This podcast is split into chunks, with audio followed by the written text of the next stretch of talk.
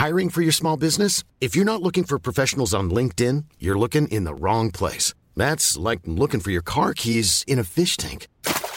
LinkedIn helps you hire professionals you can't find anywhere else, even those who aren't actively searching for a new job but might be open to the perfect role. In a given month, over 70% of LinkedIn users don't even visit other leading job sites. So start looking in the right place. With LinkedIn, you can hire professionals like a professional. Post your free job on linkedin.com slash people today. Millions of people have lost weight with personalized plans from Noom. Like Evan, who can't stand salads and still lost 50 pounds. Salads generally for most people are the easy button, right? For me, that wasn't an option. I never really was a salad guy. That's just not who I am. But Noom worked for me. Get your personalized plan today at Noom.com. Real Noom user compensated to provide their story. In four weeks, the typical Noom user can expect to lose one to two pounds per week. Individual results may vary.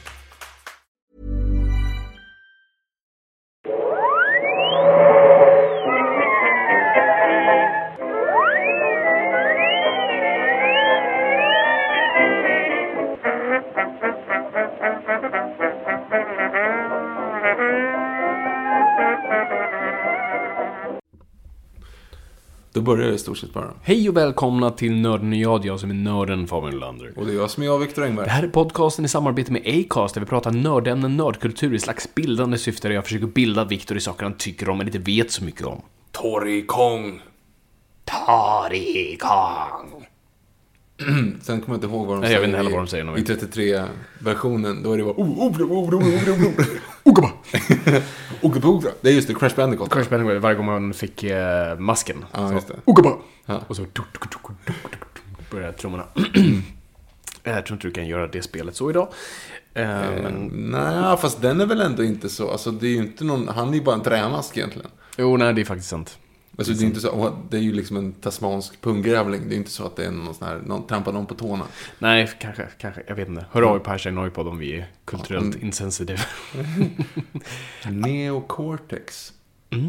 Men han, han hette ju det, skurken. Just det. Alltså, Neocortex, stort huvud, just det, just stor, det, det. stor hjärna, skurken han var.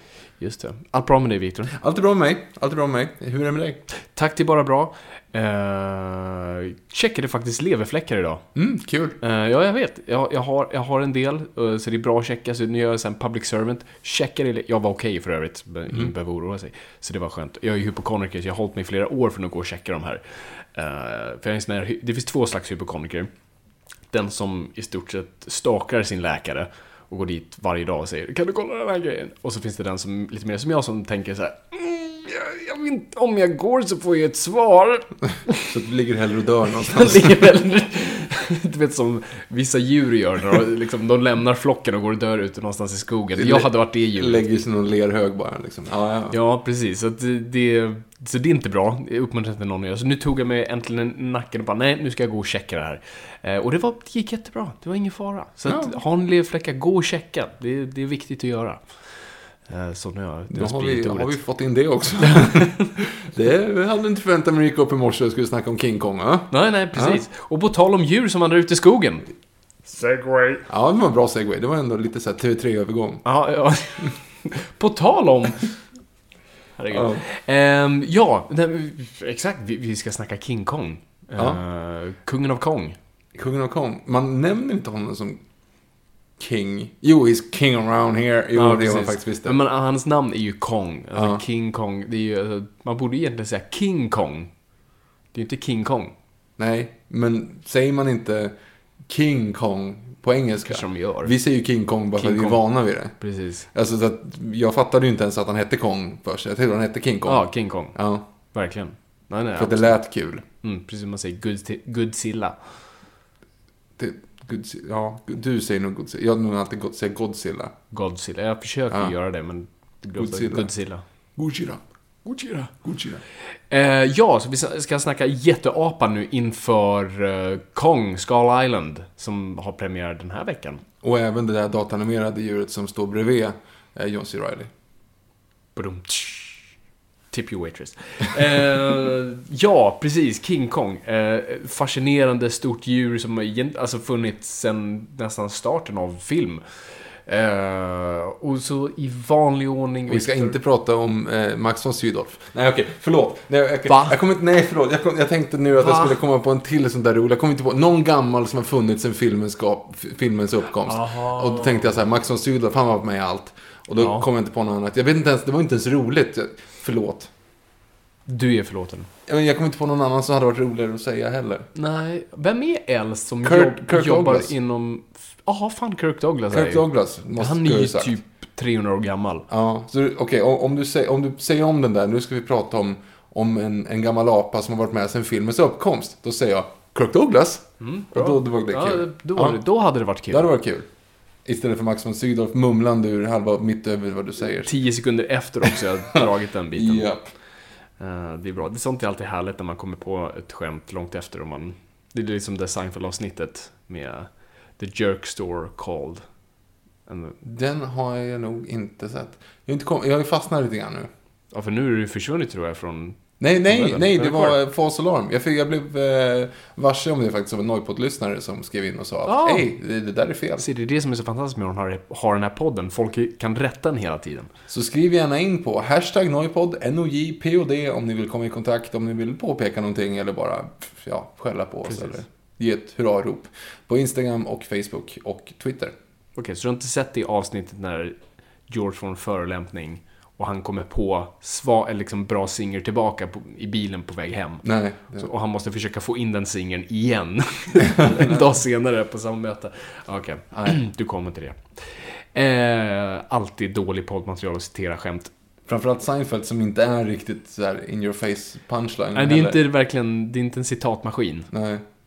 Nej, det är sant. Okej, skitsamma. King Kong, Victor, go! Vad är din relation till den stora apan? Jag har ju haft lite grann så här förkärlek till kaiju, som det heter. Alltså jag var ju Godzilla-fan utan dess like när man var liten liksom. Jag, jag har ju haft mina så här perioder. Eh, när man var liksom riktigt liten, dinosaurier. Sen var det Godzilla, sen var det Star Wars, sen var det Titan... Nej, just det. Jo, Star Wars, sen var det Titanic, sen var det Star Wars igen, sen var det dinosaurier igen. Jag tror Estonia var här där också någonstans. Ja, men Estonia och Titanic gick ungefär samtidigt. löpte över, okej. Ja, det var någon sån här eh, fascination vid, vid eh, krasch... Vad heter det? Krascher. Död. Ja, men katastrofer. Och på tal om katastrofer så såg jag ju då filmen från 1974. Eh, Det var den första du såg? ja, det var den första jag såg. Åh jävlar. Eh, Stackars sate. Nej, men jag har sett den, jag har sett den, det blir nu tre gånger, shit. Nej, men det var den första King Kong-filmen jag såg. Och Och det var då du hade ditt sexuella uppvaknande också i och med Jeff Bridges. Precis. Han har så fina polisonger i den här. Eller hela alltihop är så fint. Han har liksom som ett, ett pojkaktigt ansikte med ett stort skägg. Ehm, jag kommer faktiskt inte ihåg typ att han var med i den här filmen faktiskt. men, ehm, nej men alltså, och jag redan då, från början så tyckte jag nog inte att den här var så bra, om jag ska vara ärlig. Det, det var ungefär som att det här var, jag kommer att satt framför tvn med min far och han ungefär berättade. Du vet, Ibland så kunde man ju få de här grejerna när man satt med någon som är äldre som sa titta på det här nu, det här är bra. Ja. Och då satt man ju bara storögt och liksom och tyckte att allting var fantastiskt, det som Ja. hände. Och så förklarar man ju varje scen liksom vad som hände. Typ. Min pappa gjorde det också. Han, han förklarade musik väldigt bra genom Jaws. Mhm. Just det här när vi tror vi ser hajen som kommer. Eh, och jag blev rädd, för Mm. att det var på, på stranden där. Eh, men han sa, det är lugnt, det är lugnt, det är ingen musik här. Det är inte, det är inte den här. Och det visade sig ju bara vara den här snubben som hade en fena på huvudet. Mm. Ja, eh, det var ju den. Och så det har jag ju berättat tidigare om när jag såg singeln Rain med min farfar var det samma Ja, sak. just det. När han sa såhär, det där är bra skådespeleri. och det var ungefär eh, samma sak här. Så här, titta på effekterna. Typ. Mm. Ehm, sen ser man det i efterhand, effekterna är inte så jättefantastiska. Men, Nej, ehm, inte i 74, eh, 76an. Nej, Nej. det är 76 eller hur? Nu säger jag 76. 74. Ja, men i alla fall. Den filmen är inte så mycket att hänga i julgran. Men det är nog den första Kong-filmen jag har. Sen har jag alltid haft honom i med bad, bad, badvattnet. är ju fult. Man tar ut någonting med badvattnet. Man Ja. har någonting i medvetandet. Yes, tack gud. Bakhuvudet var det jag letade efter. Eh, jag hade det inte i badvattnet. Nej, bra. Eh, nej, det, det är ju faktiskt en intressant grej med King Kong, för att Godzilla har man ju en större relation till, för att han, det fanns också den här tecknade serien, jag vet inte om du kommer ihåg Den såg aldrig jag. Mm, Den de tryckte på en knapp och han steg upp i havet. Jag skulle göra ett nytt Godzilla-avsnitt. Jag tycker inte att det förra var så bra. Nej, vi, jag känner med alla de här först, jag satt och tänkte på Sagan om ringen-avsnittet också, Ja. ja. så jag måste göra om alla de där. Vi har blivit George Lucas för mig. Jag vet, vi kommer gå in och klippa och ta bort Jar Jar. lägga till Jar Jar. Ja, just det. Han Snarare. tog aldrig bort Jar Jar. Nej. Hur som helst. Nej men så... Så Godzilla hade man ju större relation till och han var mer i merchandise och leksaker och sånt där. Men, men King Kong, du hade inte den biten. Alltså jag kan inte komma ihåg när jag först liksom... Alltså King Kong var ju snarare en kulturell grej. Du visste vad King Kong var. Och du hade ju Donkey Kong. Och det var ju en koppling där. Jag, jag skulle säga så här, nu låter jag väldigt, väldigt dum. Mm. Jag förstod den kopplingen idag. Oh jävlar. Jag har aldrig tänkt på att Donkey Kong heter Kong. Okej. Aldrig tänkt på det. Hmm.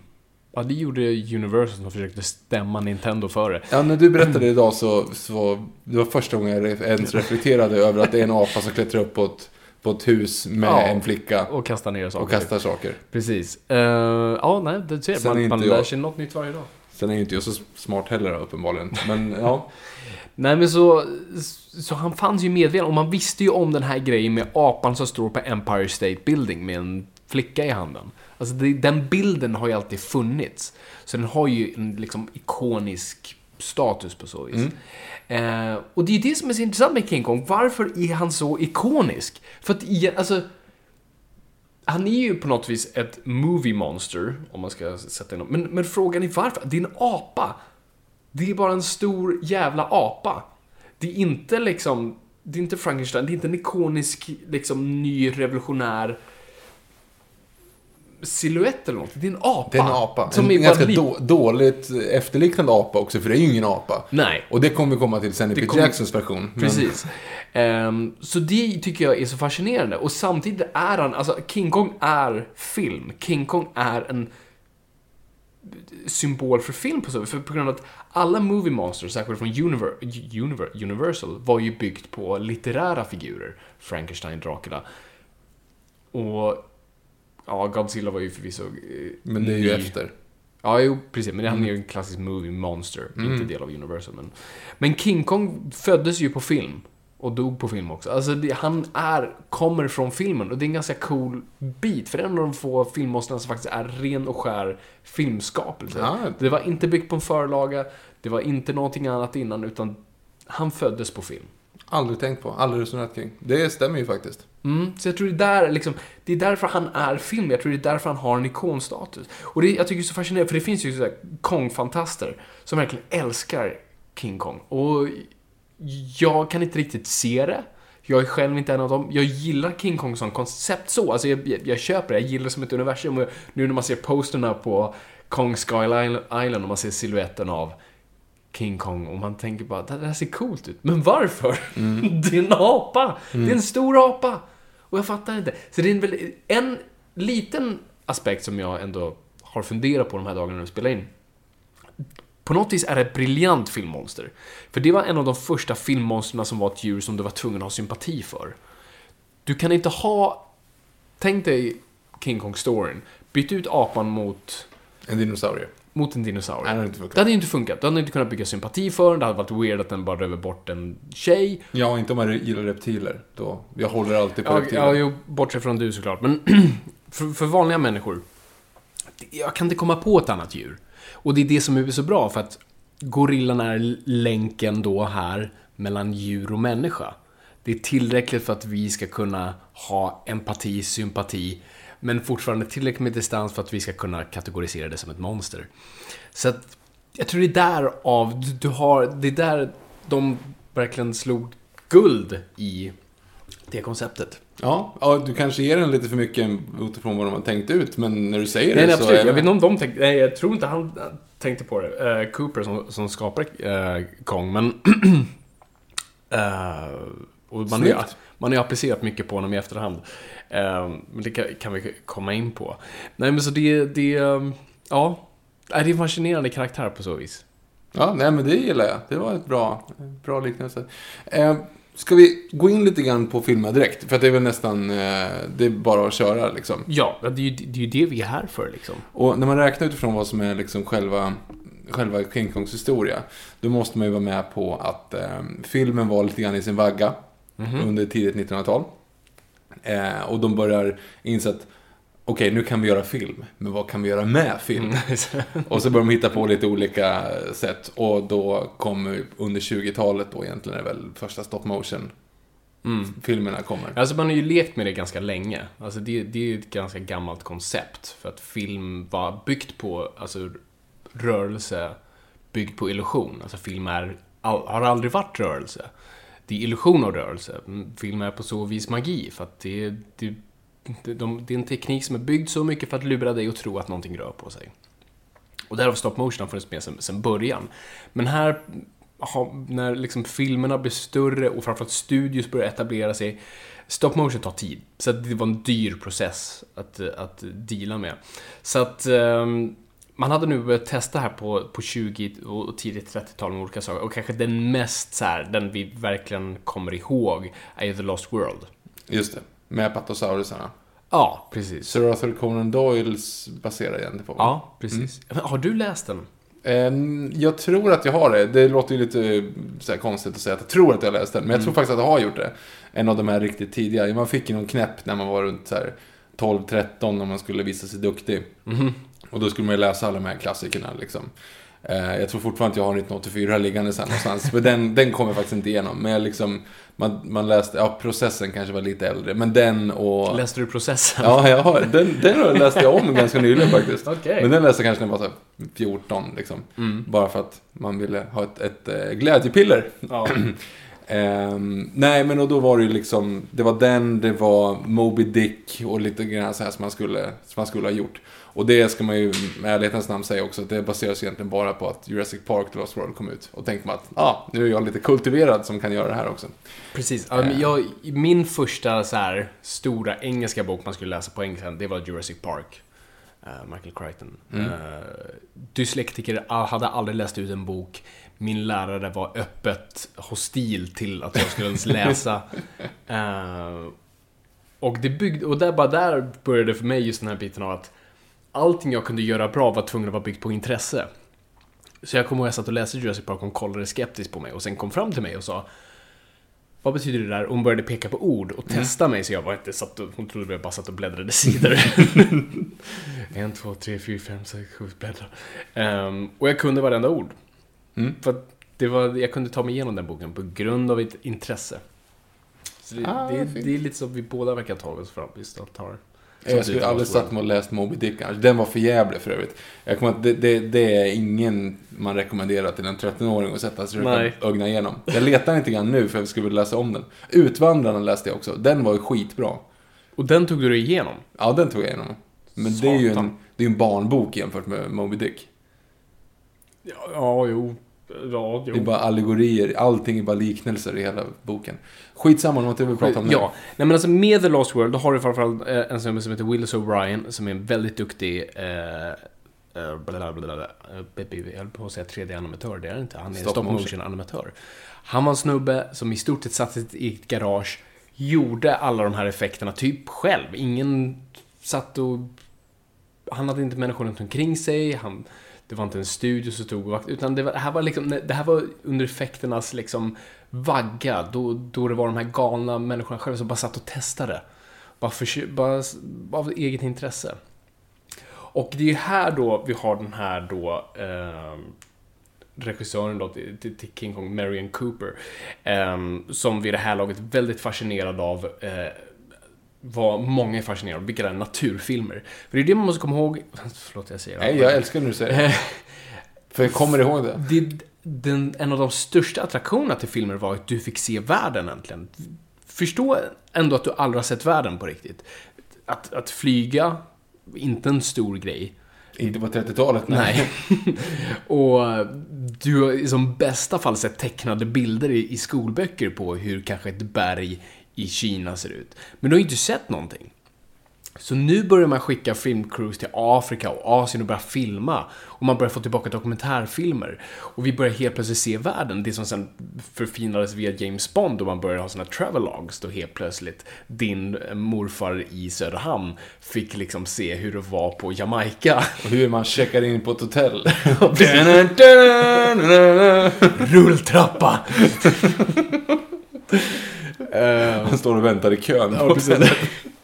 Och det är tre personer framför honom och vi tänker vänta hela vägen. Och bara pumpa ut Bond-temat. Åh, Jesus. Nej, men så det här är en jättepopulär grej och, och, och Marion Cooper är, är själv fascinerad av det. Jag tror han själv gör såna här eh, filmer. Och det man också börjar då testa, att i och med de här dokumentärfilmerna försöker man typ bygga ett narrativ. Eh, typ egentligen det som King Kong handlar om, du vet att man ska bara sätta folk mitt i eh, en riktig natur och så bara agera. Och han var ganska känd för att verkligen, där, jag tror han, det var någon gång han var i Asien och eh, eh, skulle filma en tiger. Så han satte sig upp i ett träd och började kasta sten på den där, på, på den där tigern tills den kom upp och jagade honom.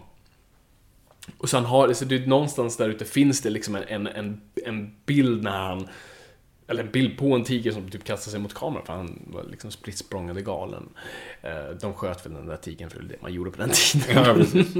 Så att, eh, och han nu hade börjat bygga en fascination för apor specifikt. Eh, gorillor. Eh, så han började leka med en store som innefattade gorillor och komodovaraner. Som han också var väldigt fascinerad av. Eh, ja, nu började, ja, precis. Där ja, var lite koppling. Ehm, så han började då skissa på den här idén som började bli då King Kong, en jättegorilla. Och då hade han lite idén av att, fan varför bara skaffar vi inte en gorilla, dumpa den med en Komodovaran och så får de slåss. slåss. Ja, fy fan vad groteskt alltså. Ja, Tänk om de hade gjort det. Jag vet inte, vad hade hänt Victor? Nu, nu kan vi hö- vad hade hänt? Nej, alltså för det första så finns det ju ingen anledning att de skulle börja slåss. Det är ju liksom, det är jättesvårt att hetsa djur som inte vill slåss mot varann. Mot varann. Eh, men för andra så hade väl, alltså apan hade ju slitit den i stycken. Däremot så hade ju apan sen dött bara så fort den hade nuddat, liksom. Alltså den hade dött långsamt för komodovaranerna är ju faktiskt tekniskt giftiga nu. Eh, för att de har så mycket skit i salivet. Men äh, var inte det nu, blev inte det någon så här redaction på det där? Att det visade sig att de faktiskt har Jo, de faktiskt har gift. också det också. Men eh, komodovaraner i fångenskap till exempel producerar alltså en jätteliten del av det. Det är på grund av att de bara käkar liksom mer eller mindre as. Ehm, konstant rutten, ruttet kött och har massa skit i munnen liksom.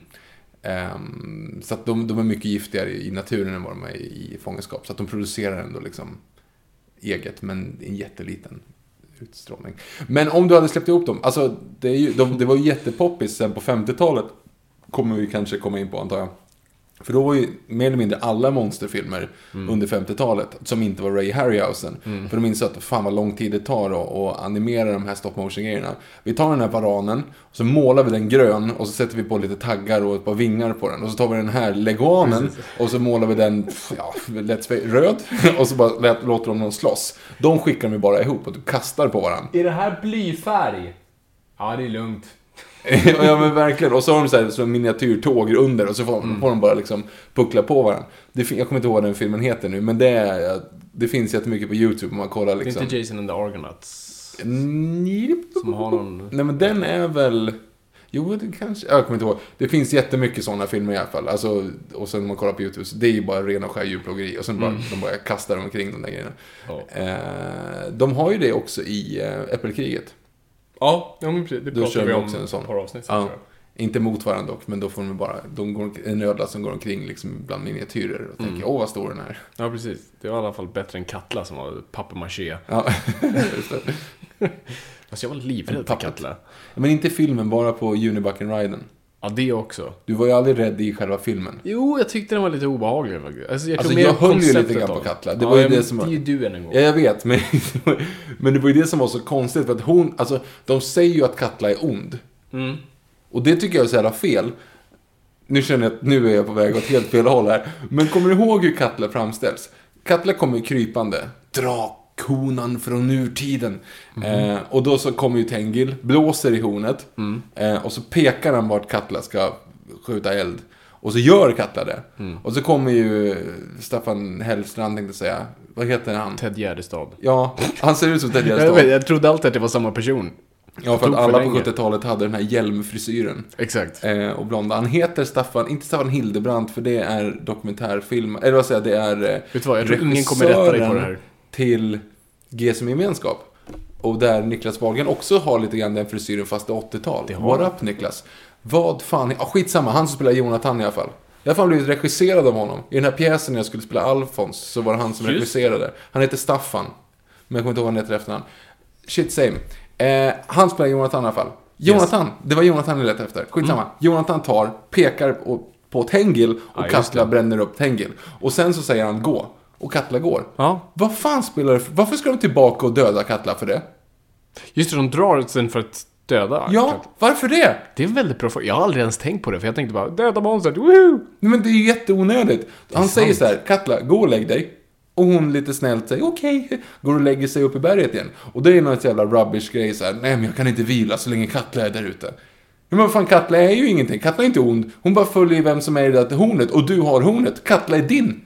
Men tänk om, om man tar bort hornet så kanske hon blir total anarkist och bara går runt och skövlar. Det är ju det hon gör. För han, han dumskaftet tappar ner den där i, i eh, lera sen. Så det försvinner ju. Det är därför han dör. Det är ju hans fel. Det är precis samma sak. Medan det- han läm lämnar för Nagilima så plågas alla andra Ja, kvar i Nagiala. nej, han, han knuffar ner Katla också bakom stenen. Just det, jag glömde att Eh, det direkt. men grejen är ju, det är precis så det fungerar i, i, eh, i naturen. Djur i sig är ju mer eller mindre aldrig onda. Det är ju väldigt få, alltså okej, onda är också ett, ett långt ord. Det är ett kort ord, men det är ett dumt ord. Mm. Ost. De är inte onda, några är människoätare, vilket är väldigt sällan. Men oftast är det på grund av att människan tränger in på deras territorium. Till exempel finns det lite tigrar och grejer som är sånt. Katla är ju perfekta exemplet på det. För Katla är verkligen så, de lyder ju bara order. Och sen när de tappar bort det här hornet, då får du skylla dig själv, då har du ju ingen kontroll. Vad ska du dit och göra? Varför ska du fippla med to- hornet? Hur som helst. Det, vart var jag?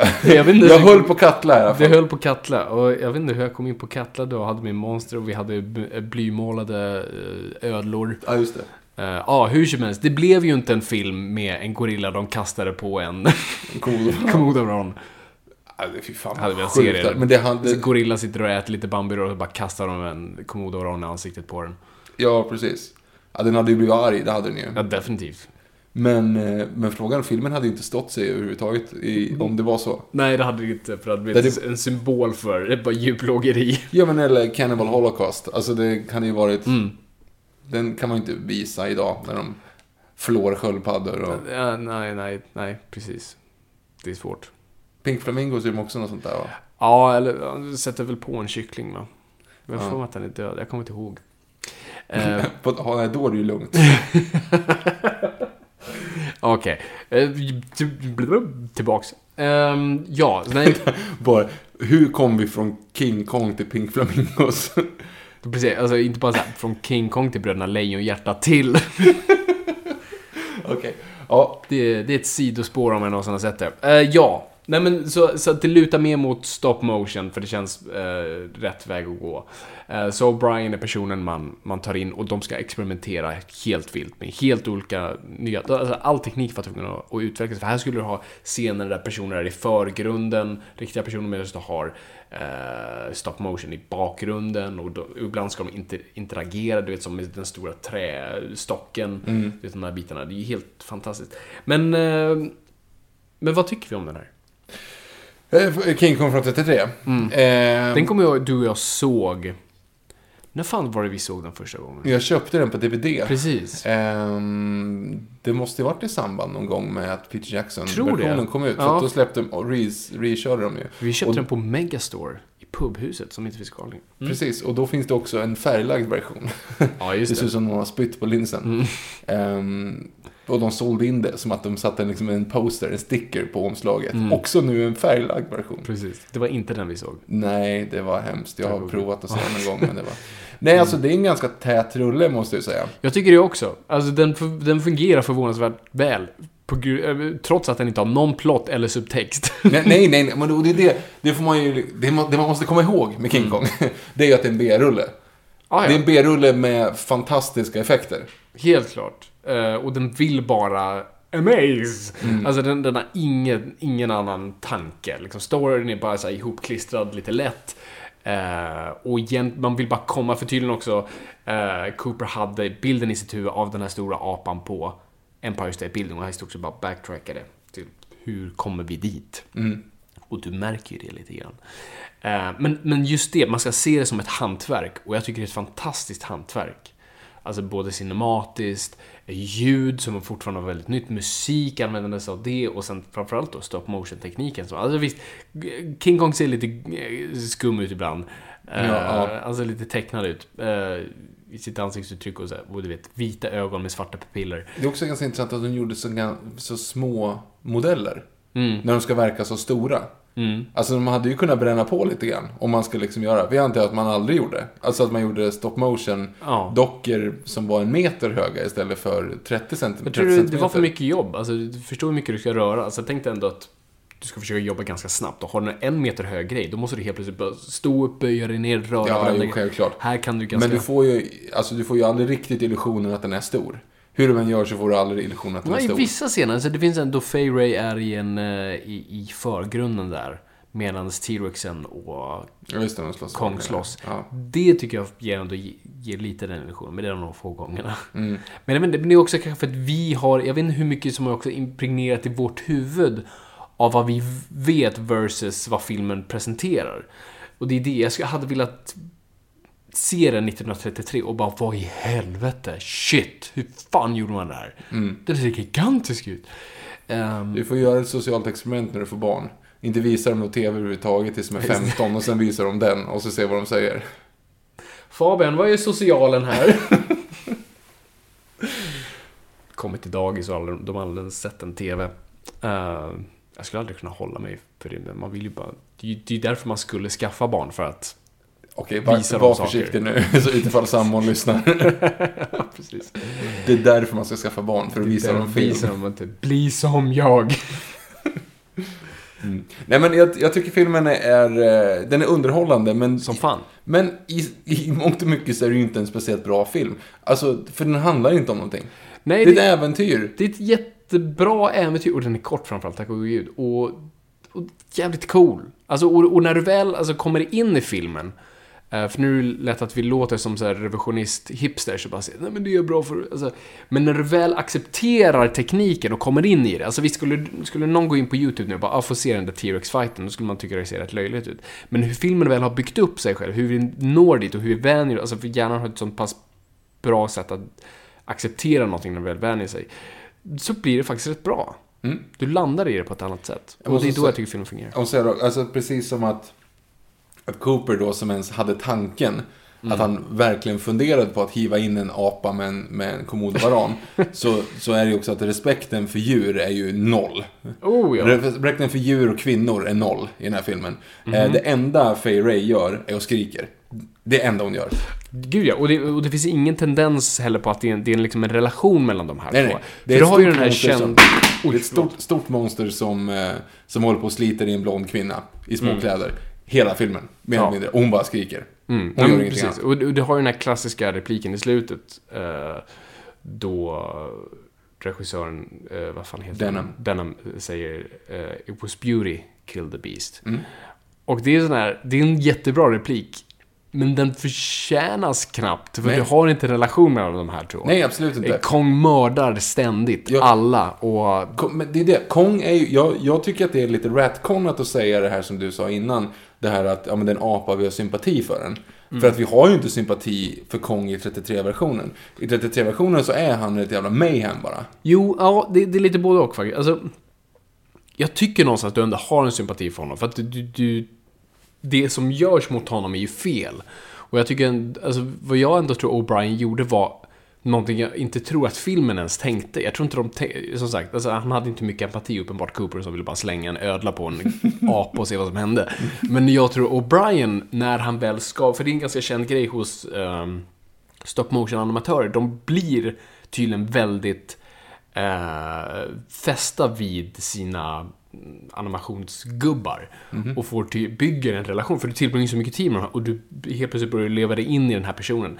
Eh, det är lite som manusförfattare och sina karaktärer, till slut blir de levande. Så jag tror att han la in mer karaktär i Kong än vad filmen ens ville. Så du ser många tendenser, du ser det i hans ögon, du ser så, så jag tycker ändå, trots att han är skriven och hans handlingar Jättekonstigt. eller egentligen, det är ju det är ett djur. Nej, fast det är ju inte ett djur, det är en mordmaskin. det, han aktivt Som behandlas upp, fel. Han aktivt söker ju upp folk och bara dödar dem. Mm. Hela tiden.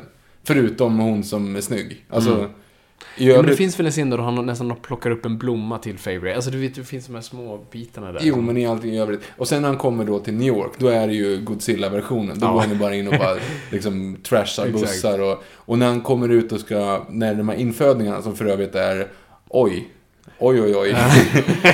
så när han, när han kommer ut och jagar dem, då trampar han ju bara på dem och stoppar dem med munnen och ser glad ut. Ja. Alltså den scenen är Ja, det- inzoomade ansiktet, jättestora han ser jättelycklig ut när han nafsar på dem. Så, här, Ja, och de ligger i munnen så här, med skumgummitänder bara.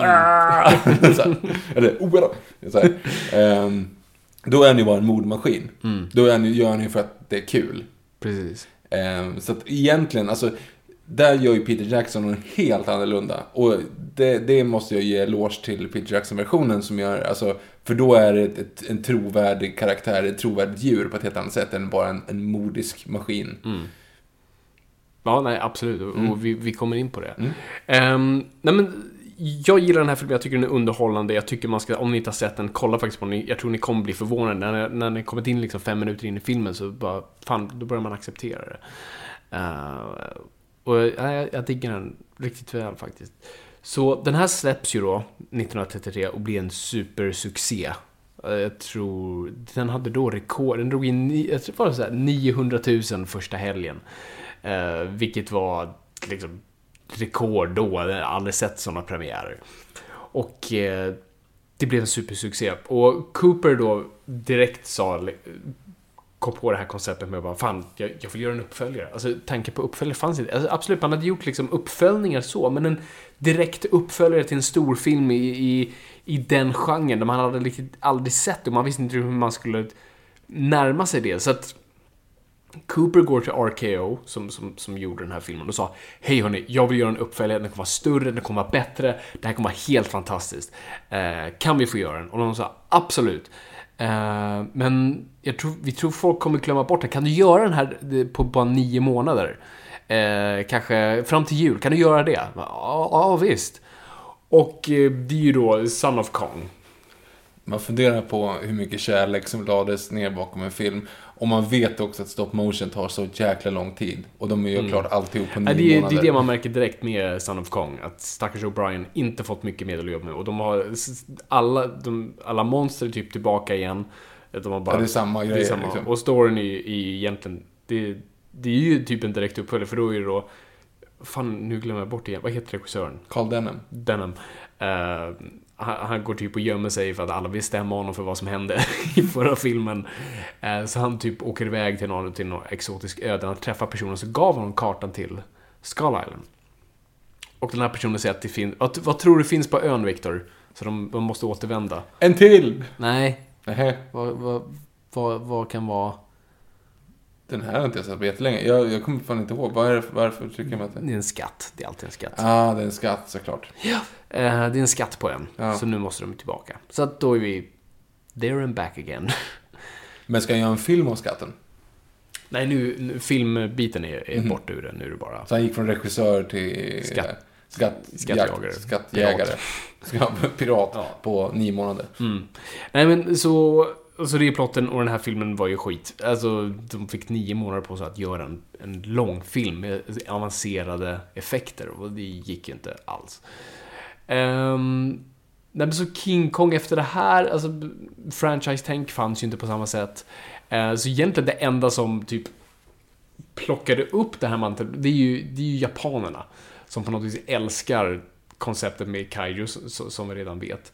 Så de gör helt enkelt rip-offs. Massa typ King, och de bara kallar det King Kong. Det finns inget där trademarka saker längre. Finns, alltså, det finns inte. Så att eh, de bara gör massa, bara testar massa grejer. Och den kanske mest kända kommer väl in då på 60-talet. Och där är det på ditt område. Ja, eh, vi pratar också om det här i Godzilla-avsnittet. Lyssna inte på det. Eh, det är vårt andra avsnitt. Eh, där, då är det ju så här att egentligen skulle man ha då ett... De hade gjort ett koncept av att Godzilla då, som var super, super succé. Sa du Godzilla förut? Ja, jag blev smittad. Godzilla. Eh, från eh, 1953 var en super, super hit. Så att nu tänkte de så här, "Nej, men nu ska vi bara kasta saker på Godzilla. Så att, och låta honom slåss mot massa saker. Och då så kommer vi på att Frankenstein, Frankenstein är en bra grej. Så Frankensteins monster, ett jättestort Frankensteins monster ska då slåss mot Godzilla. Och sen så kommer de på typ i sista, innan de bara ska slå på kameran, bara så här. Fast är inte det lite fånigt? Vi tar King Kong istället. Så att King Kong är som Frankensteins monster.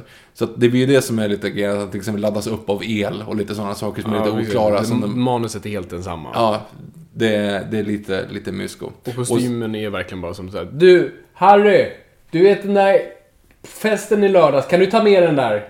Vadå, på kostymen? Ja, precis. Men den, ja, den är fortfarande drink, drinkfläckar och jag Ja, ramlar men ju det, sen. ja, Ja. herregud, men det, det gör ju ingenting.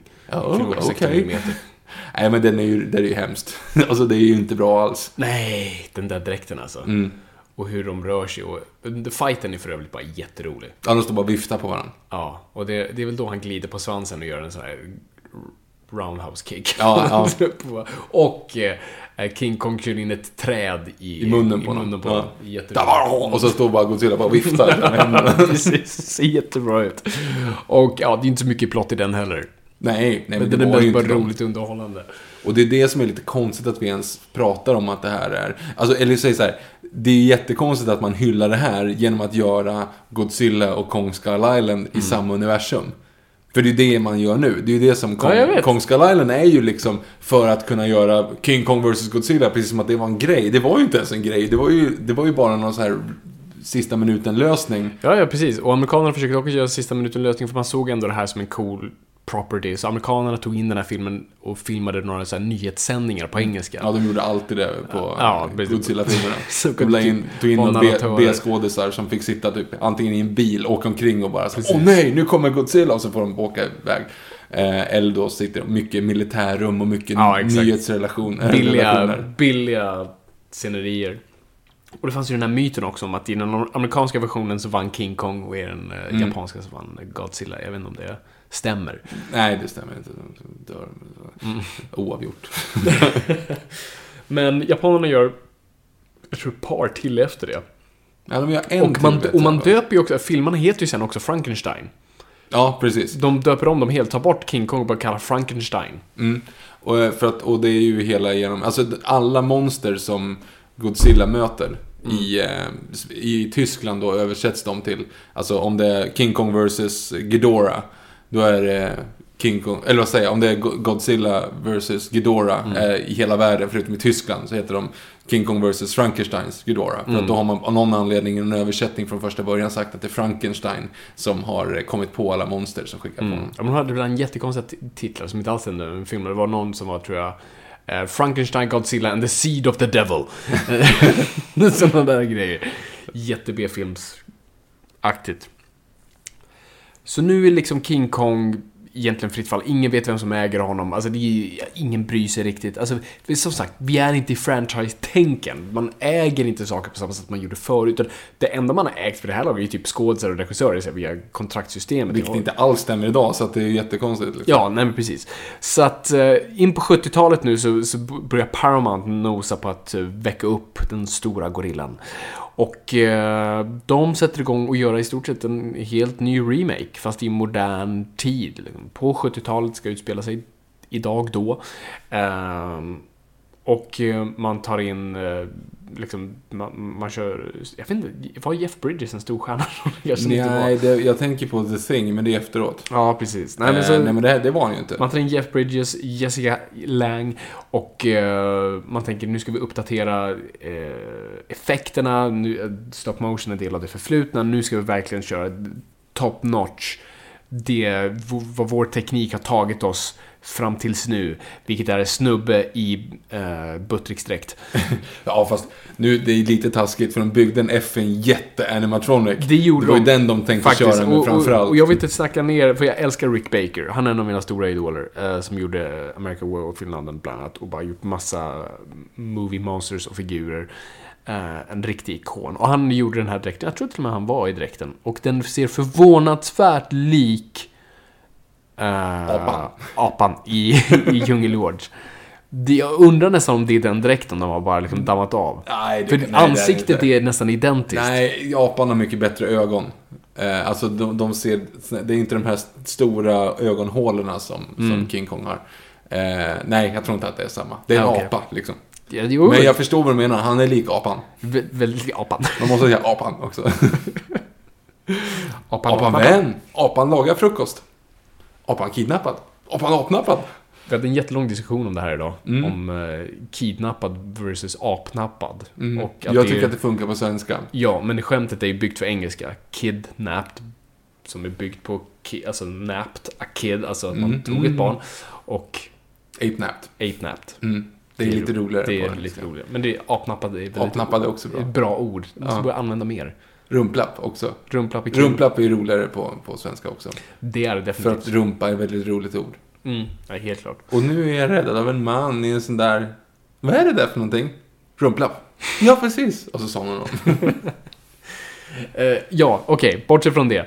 Eh, Rick Baker, älskar honom, så ja. Ehm, ja, så man, så man ska göra den här filmen. En stor budget nu, man ska byta ut eh, Empire State Building mot den nya coola byggnaden, som är, byggnaderna, World Trade Center.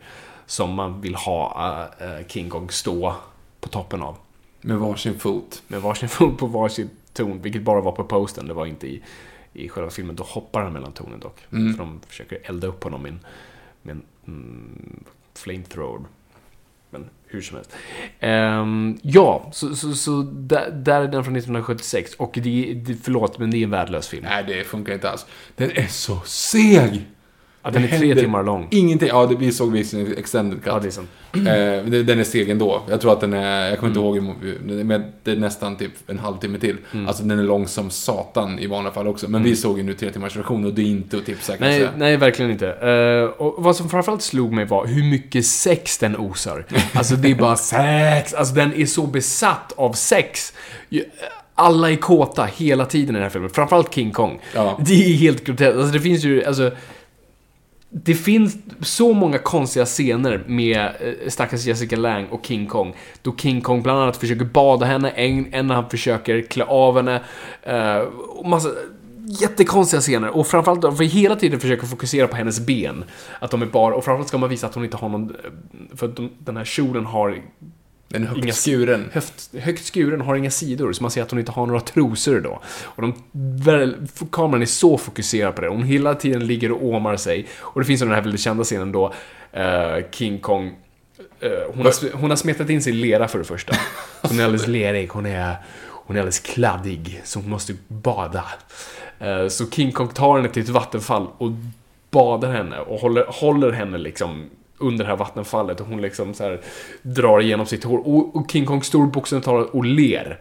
Ja, han har ett stort smile på sitt ansikte. Han ser jättepervig ut. Det ser helt groteskt ut. Och han släpper henne i vattnet och man ser henne landa och man ser att liksom kjolen åker upp. Det är Ja, helt... Men man ser, alltså, och det, jag trodde inte att man fick göra så.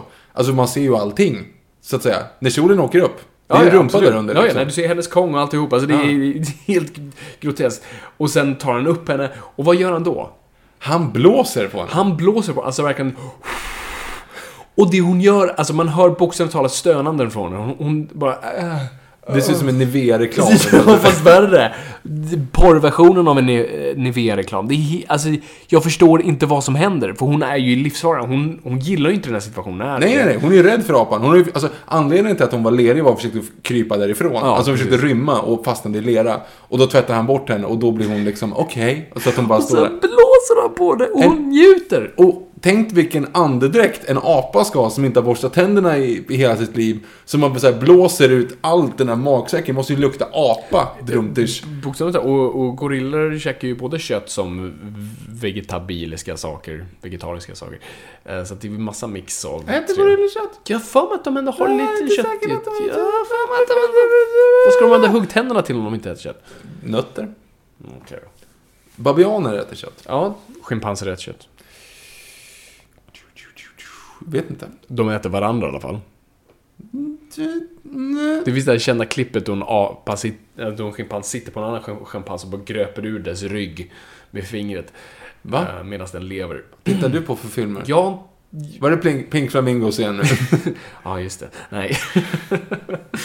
ja, ja, skitsamma. Uh, ja, nej men, ja, dålig andedräkt i alla fall. Men hon njuter som att det vore, jag vet inte vad.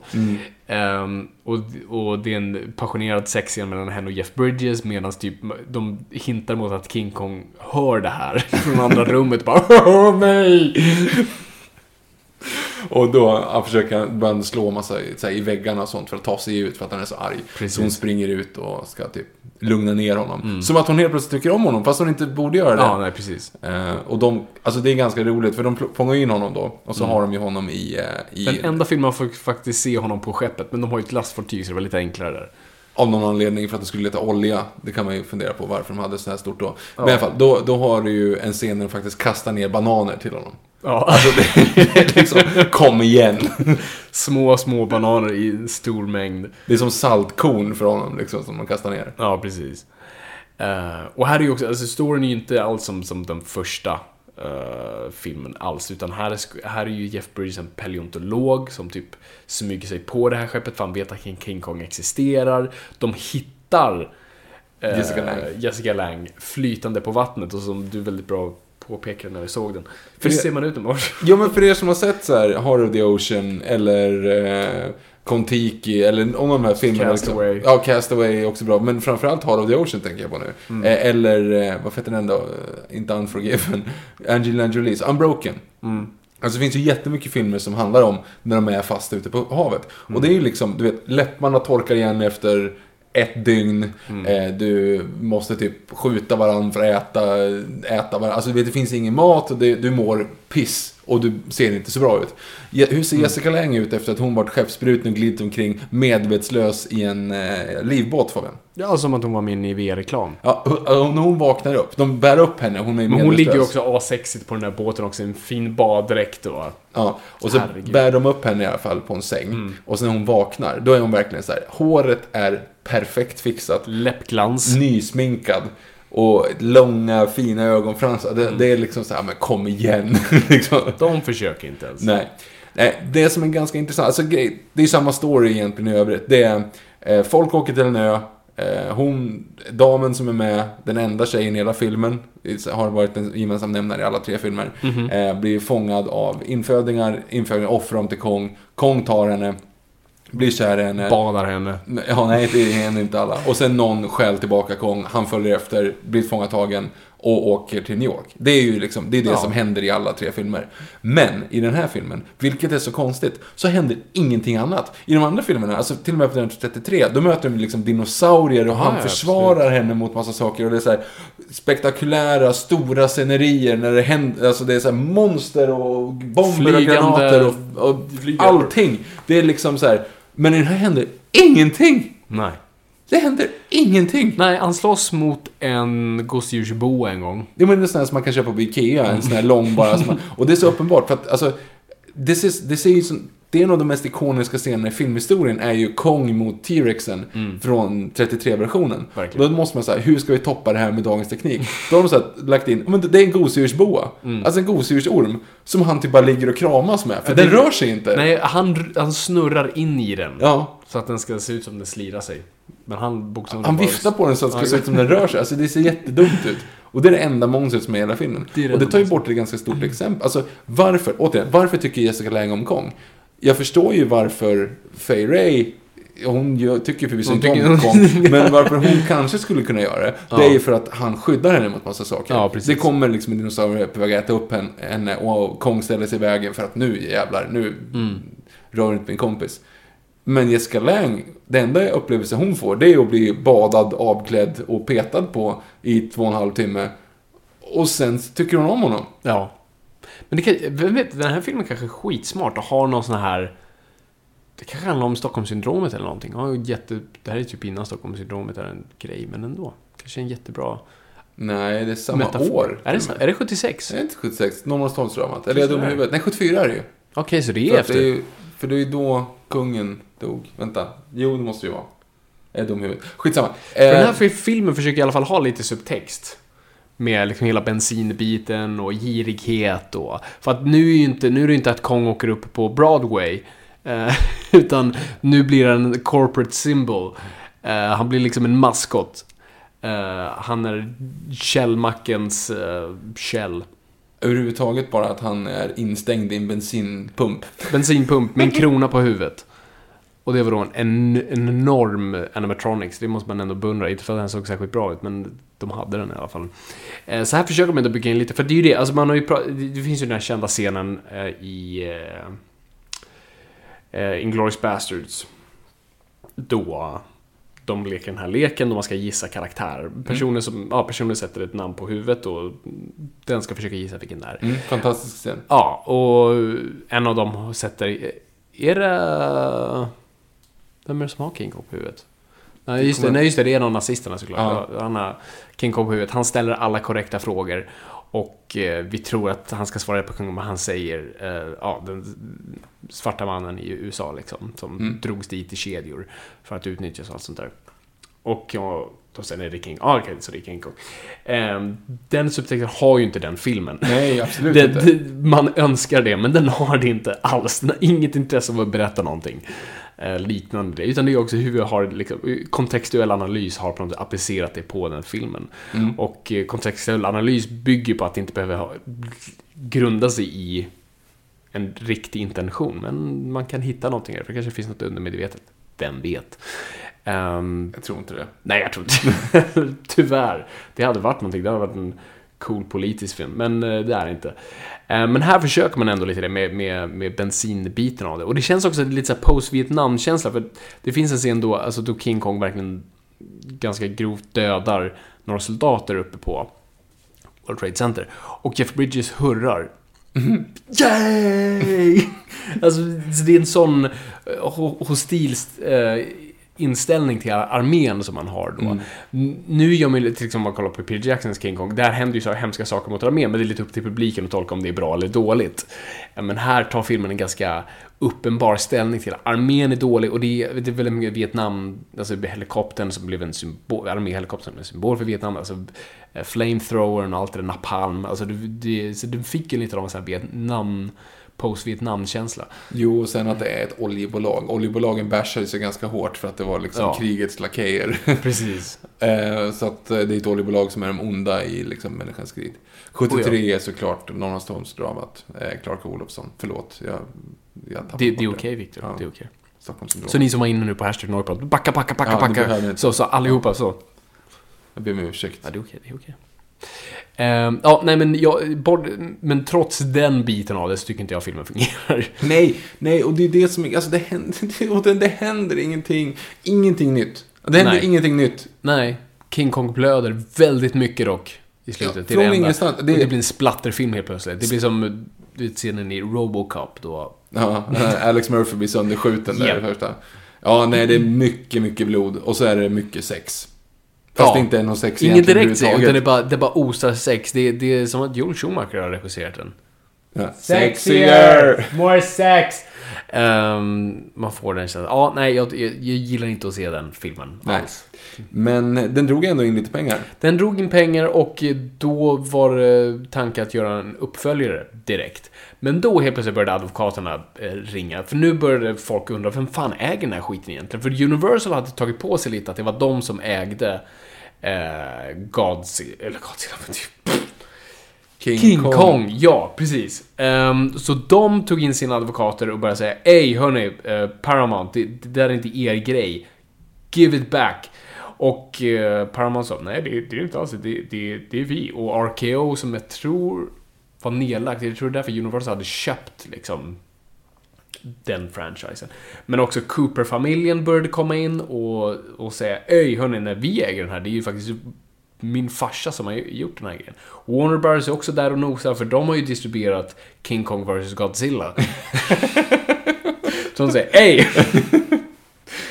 um, så bara det blir också lite så problem. Um, så att det blir en stor dispyt om vem som faktiskt äger det. Och man börjar typ dela upp bitar av det. Så att man börjar säga att, alltså, man säger typ att Cooper-familjen äger King Kong. Så vad Universal gör är att ge 200 000 till Cooper-familjen och köper tillbaka King Kong. Uh.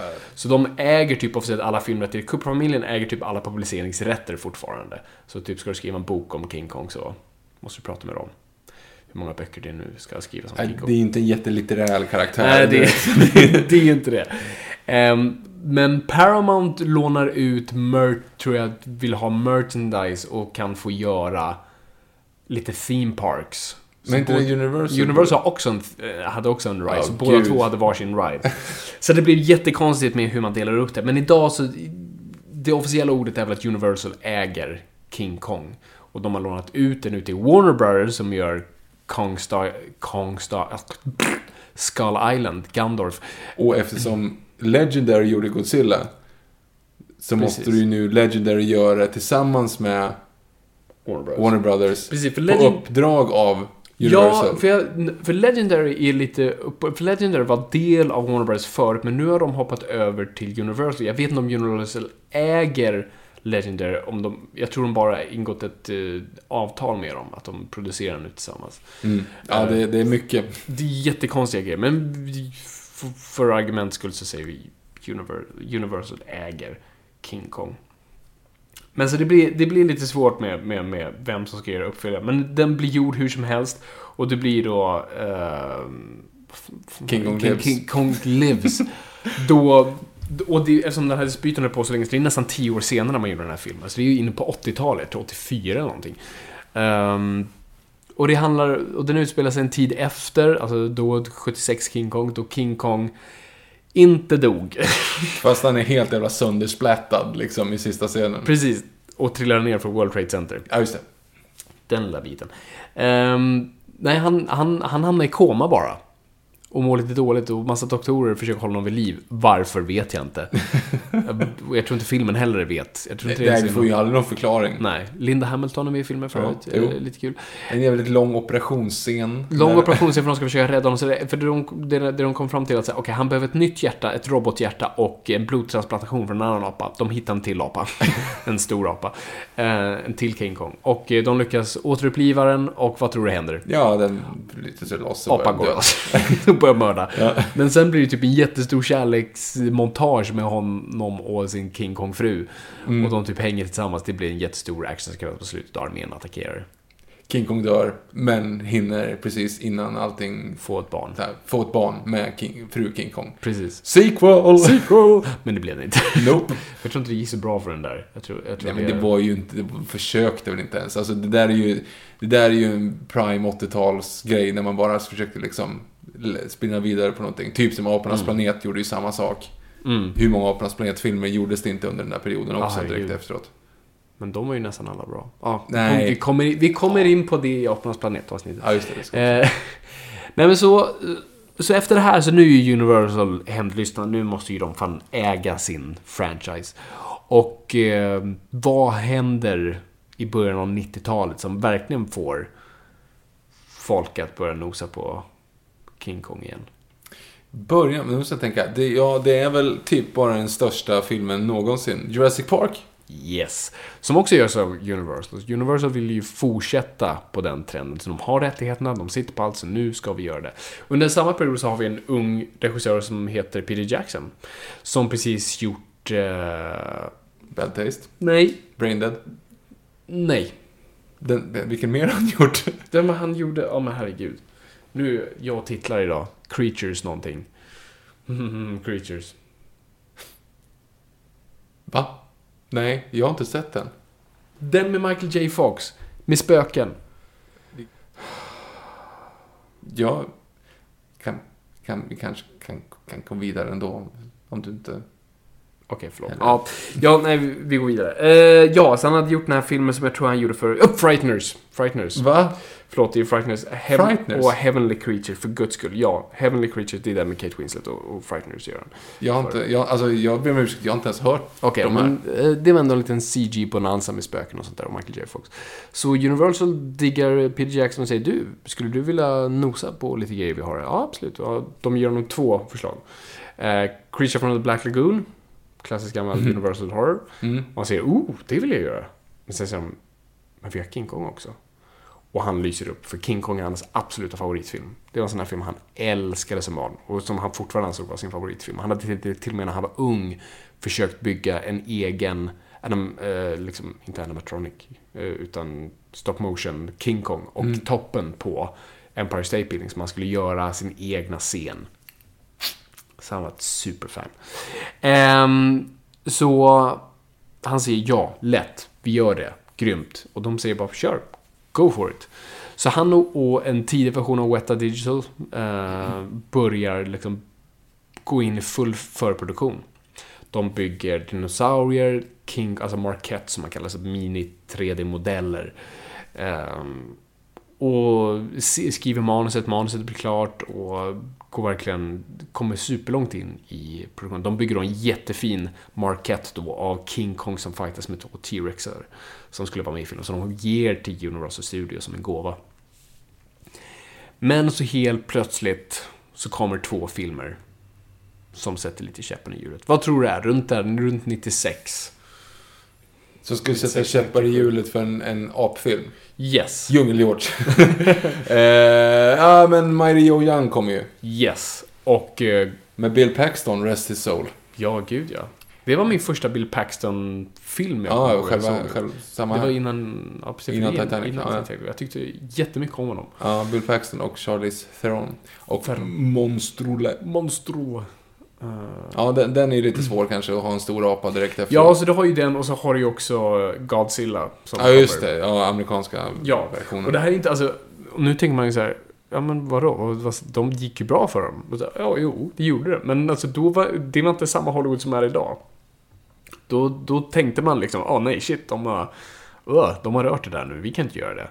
Men nu är det mer så, det finns ett uttryck i filmbranschen eh, som är, du vill aldrig vara den första genom dörren, men du vill vara nummer två. Eller alla vill vara nummer två. Ingen vill vara först, alla vill vara nummer två. För att ingen vill känna på vattnet först och se vad som händer, utan du vill ha någon som öppnar upp dörren och testar och är en cykel, då kan alla bara hoppa på. Och det är lite så Hollywood fungerar nu. Har du en R-rated superhjältefilm, då bara så kommer alla. Batman v Superman släpper på Blu-ray, R-rated. Ehm, så nu hade man ju bara sett som perfekt. Bra, de gjorde det först, så nu kan vi eh, komma in med vår stora affär. How would you like to look five years younger? In a clinical study, people that had volume added with Juvederm Voluma XC in the cheeks perceived themselves as looking five years younger at six months after treatment. Look younger, feel like you. Add volume for lift and contour in the cheeks with Juvederm Voluma XC. Reverse signs of aging by adding volume to smooth laugh lines with Juvederm Volure XC. For important safety information and to find a licensed specialist, visit juvederm.com. That's J U V E D E R M.com. Not for people with severe allergic reactions, allergies to lidocaine, or the proteins used in Juvederm. Common side effects include injection site redness, swelling, pain, tenderness, firmness, lumps, bumps, bruising, discoloration, or itching. There's a risk of unintentional injection into a blood vessel, which can cause vision abnormalities, blindness, stroke, temporary scabs, or scarring. Talk to a licensed specialist to find out if it's right for you. When you're ready to pop the question, the last thing you want to do is second guess the ring. At Bluenile.com, you can design a one of a kind ring with the ease and convenience of shopping online. Choose your diamond and setting. When you find the one, you'll get it delivered right to your door. Go to Bluenile.com and use promo code LISTEN to get $50 off your purchase of $500 or more. That's code LISTEN at Bluenile.com for $50 off your purchase. Bluenile.com code LISTEN. Hiring for your small business? If you're not looking for professionals on LinkedIn, you're looking in the wrong place. That's like looking for your car keys in a fish tank. LinkedIn helps you hire professionals you can't find anywhere else, even those who aren't actively searching for a new job but might be open to the perfect role. In a given month, over 70% of LinkedIn users don't even visit other leading job sites. So start looking in the right place. With LinkedIn, you can hire professionals like a professional. Post your free job on linkedin.com slash people today. Men så tänkte man inte då, utan man tänkte bara nej, uff, de har gjort det, de har rört det, nu kan vi inte göra det. Så de drar pluggen direkt, uh, Peter Jackson blir jätteförkrossad, ringer Universal och säger Ey, den där marketten, give it back. Eh, så de fick tillbaka den och hade den sen i lobbyn på Weta Digital som är typ ett minne av någonting som aldrig blev av.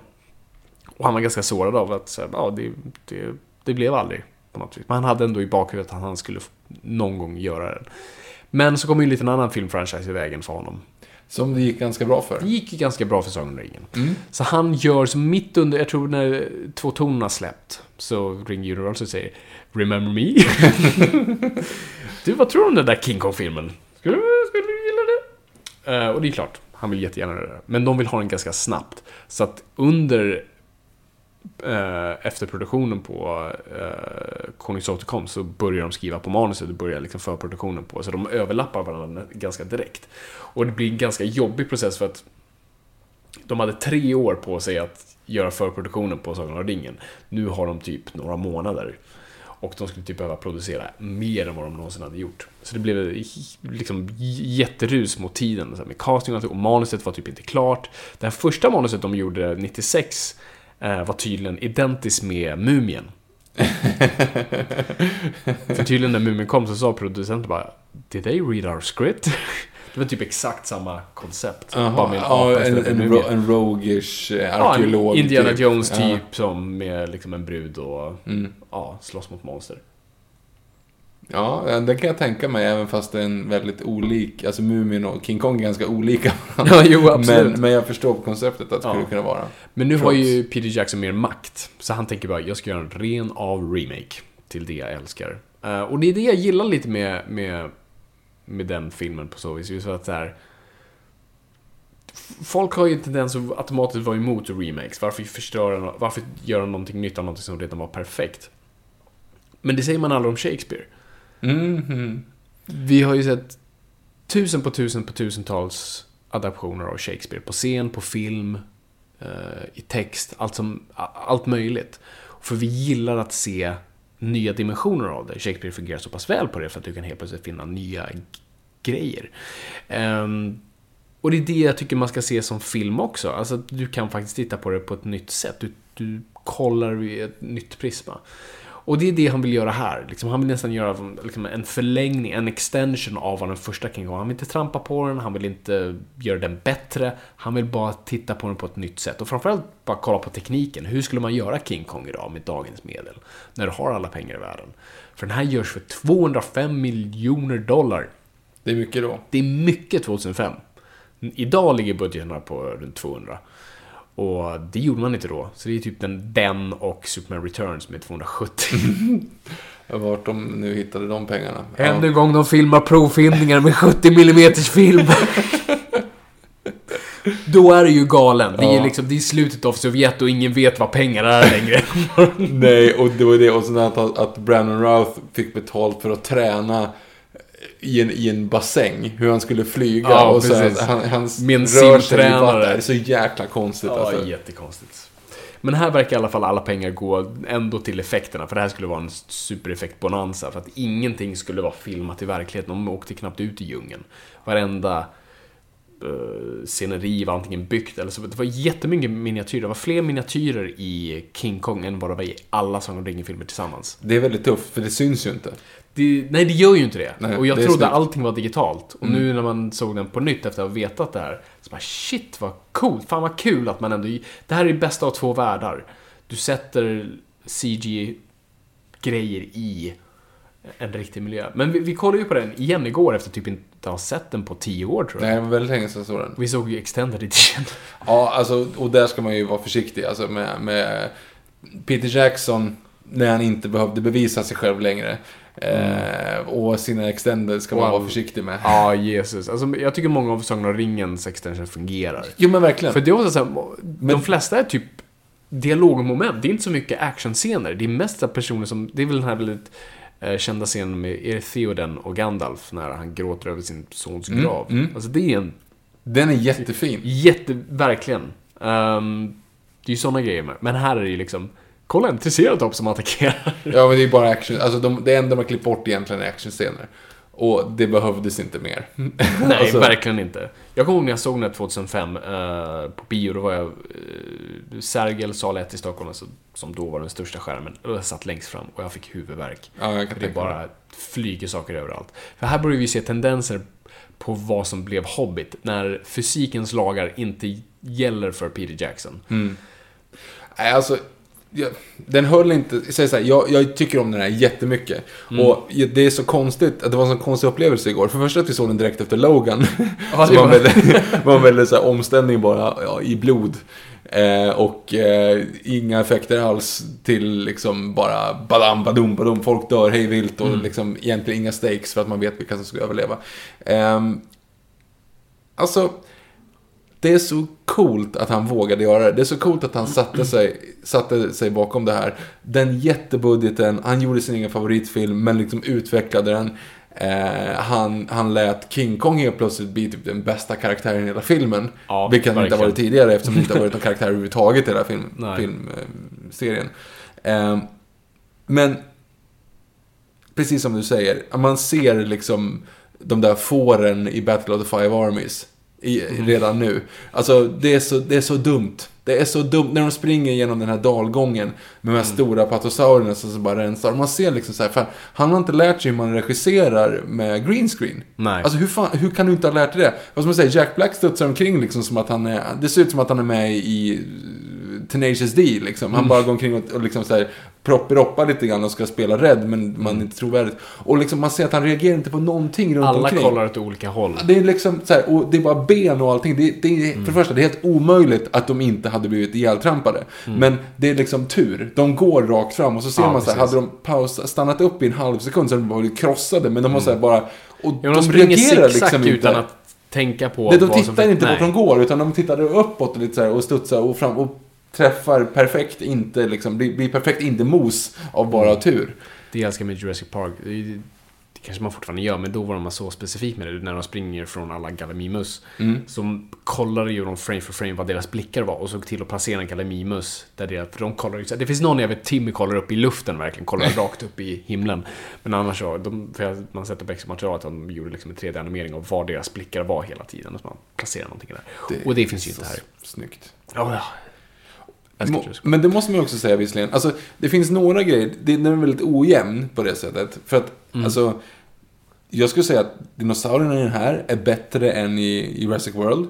Oh ja, nej men alltså effekterna i den här filmen, alltså inte alltid 100% men alltså när de, man ser vilka scener de har satsat på, framförallt T-Rex-sekvensen, är formidabelt snyggt. För det här är ändå period, det här tror jag är någonstans brytpunkten för effektsbolag. För effektsbolag plågas ganska mycket nu i Hollywood på grund av att eh, studierna vill ha mer för mindre pengar.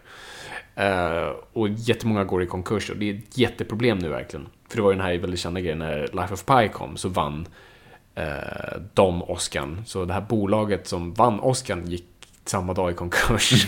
alltså det... Fast de liksom gjorde en film som var en supersuccé och var så extrumt hyllad för sina effekter så går det inte Jag, runt. jag kommer ihåg att de hade såna här demonstrationsskyltar ute för Oscarn så eh, eh, vad var det stod? I'll win you an Oscar for food. så att, eh, ja, nej, men så här var just den, och det är också Weta Digital som ändå in-house med Peter Jackson och de är otroligt duktiga och och här la man tid på de bitarna. Vilket man inte gör på samma sätt nu, det beror på film till film och jag tycker effekterna är fantastiska, framförallt på Kong. Alltså, Kong, Kong är mer eller mindre felfri. Nu såg inte vi en Blu-ray-version, det såg en DVD-version. Men ändå. Och jag kommer ihåg att på bion också att man är helt liksom blown away. Eh, men det, det är det, de har, inte, de har inte satt effekterna hur de interagerar med människor. Riktigt. Fysiken är fel, Ja. men... men Vad heter Kom... Kontrast. Nej. Alltså texturen. Ja, texturen. Texturen är Ja. skitbra. Nej, och som sagt när det är hel CGI-moments när de då slåss mot eh, varandra. Liksom. Ja, när det men- inte är människor involverade, då är det helt Men fantastiskt. T-Rex-sekvensen är fortfarande sån här... Ja, du sitter och håller andan. Den är så over the top, men precis på gränsen. Så att det fungerar och det är... Det, ja, det är förutom just det, bara den här som, vi också, som du påpekar väldigt väl. Alltså allting med eh, Naomi Watts handlar bara om att du tror att det är fara här, men det är något större där! Ja, tre gånger direkt efter varandra så kommer hon, hon ser någonting, blir rädd, backar och så backar hon in i en annan sak av samma art. Det är ju det är de här ödlorna. Så Mm. Ja, här, precis. det är en ödla som äter någonting, hon backar och rädd, vänder sig om, det kommer en ödla. Ah, hon springer in i en, i en eh, trästock. När hon är i sto- trästocken kommer en, en eh, tusenfoting. Hon blir rädd, vänder sig om, det kommer en ny tusenfoting. Hon springer ut, ser en dinosaurie, ah, blir rädd, springer iväg och så vänder hon sig om och då kommer en till dinosaurie. Det, alltså inom loppet av fyra minuter så har hon Precis. liksom, möter hon sex individer av tre olika arter. Liksom. Mm. Det, sånt där är kul en gång. Mm. Liksom sån trick. Det blir på tok för mycket. Men sen är T-Rexen jag kommer ah, det är så, Och det är en sån snygg hyllning till eh, originalet med att dödaren bryta käken Ah, på den. Jävla coolt. Åh, En riktig Godzilla-finish. Han gör ju också den. Mm. verkligen. Och sen har du ju insekt... Han vill ju... Det finns ju den här kända insektsekvensen i originalet som ingen har... de- De hade filmat det tydligen under en testvisning och spydde publiken. Ehm, så de klippte bort den och den har inte återfunnits. Så här, det ville Peter Jackson återinföra, så där har vi den, ja, den kända insektssekvensen. Precis, när, alla, när alla ramlar ner eh, efter de har blivit nervälta av den här trädet, Ja. den här trästocken. Så Precis. är det ju då, även i originalet då egentligen, så skulle det vara massa Mm. insekter som kommer och äter upp. Så. Precis. Och det är en äcklig sekvens. Den Ja, den fungerar vidrig. faktiskt. Den är otroligt jobbig.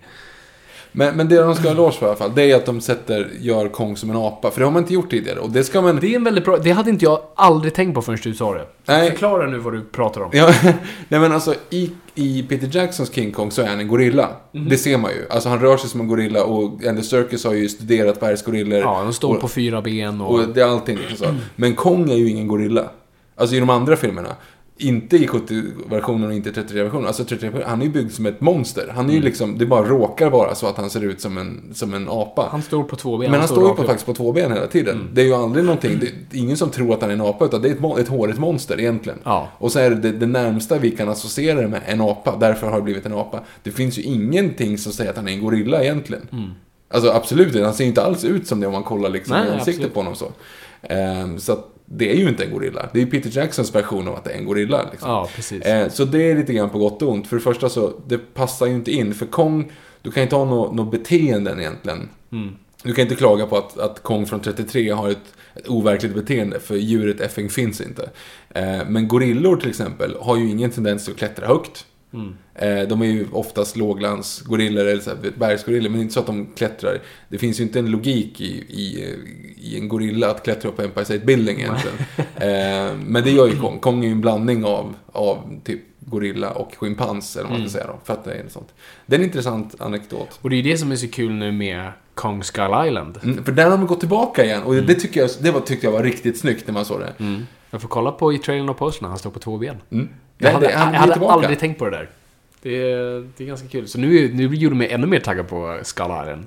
Mm. Nej, det, nu är vi tillbaka liksom på 33 igen. Ja, precis. Uh, nej men så Peter Jackson, jag tycker det är ett beundransvärt försök. Jag älskar att den finns.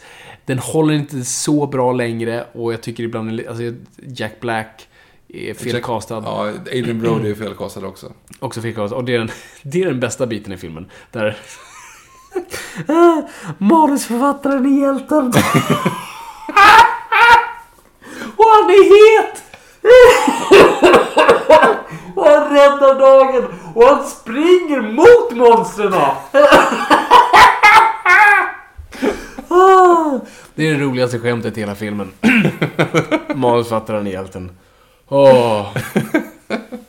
Det är det bästa jag har sett. Ja, det, det är lite overkligt faktiskt. Är never. Nej, och, men, eh, nej, men det, det, alltså jag säger så här, det är en bra film, men se inte extended-versionen. För då, Nej, för guds skull inte. är inte. Du får inte ut någonting mer av det. Nej. Om du inte gillar mer dinosaurier och mer grejer. Men det är också så här, man har bara förlängt vissa sekvenser. När de Mm. går i skogen så har det lite längre. Och, nej, så det är verkligen sån här då director's cut. Alltså oftast, oftast är faktiskt de första versionerna bäst. Mm. Förutom i eh, två tonen. Nej, förutom eh, hela Sagan om ringen, biten Mm. kan jag liksom förlåta faktiskt. Men det var ju inte bara att de så här, la tillbaka så, utan de gick ju och spelade in nytt material. De liksom fläskade ut det mer. Och det var ju ändå baserat på böcker och det behövdes liksom. Det gav karaktärer mer rum och som, som vi sa, de flesta av scenerna är karaktärsmoment. Även, alltså, så, du får ju se vad som hände med Sauron. Mm. Ja, den scenen är det faktiskt konstigt att de ska ut undan. Alltså Ja. den ger inte jättemycket till, eh, till plotten med att de ska hitta Palantiren, vilket de gör ändå. Mm. Eh, nej, men en, en annan grej som också är en ganska tydlig parameter i det, i just extended-grejer, om vi ska dra ett litet stickspår på det. Mm. Det är ju att Sagan om ringen är tre feta böcker. Eller Lord of the Rings är tre feta böcker. Som ska bli liksom, som de kan extenda ut för att ta in mer från böckerna. Eh, The Hobbit är en liten bok. Jättetunn bok som de måste liksom trycka ut som Too much butter on too little bread. Nej, tvärtom. Too, too little butter on too much bread. Skitsamma, du förstår principen. Och det är samma sak med King Kong. För King Kong är en film på en timme och 20 minuter. Som, som Peter Jackson skruvar upp till tre och en halv. med Precis, sina det tar typ en timme och kvart innan Kong ens dyker upp. Mm, vilket gör också i eh, 76-versionen. Mm. Det, också, det, tar, det tog en timme och tio minuter innan man säger kom första gången. Och då är det ännu tråkigt, för de är bara på en båt. De är på en båt i en timme. Ja, de är på båt och, och det är fortfarande inte karaktärer vi egentligen bryr oss om. Alltså, mål och motivation och djup finns inte riktigt. Nope. Så man bara försöker bygga egentligen plott. Mm, de är onda och han är lite snäll. Och hon är snygg. Ja, båten vill återvända. De vill inte återvända. Ja, du vet man så. blä. Ja.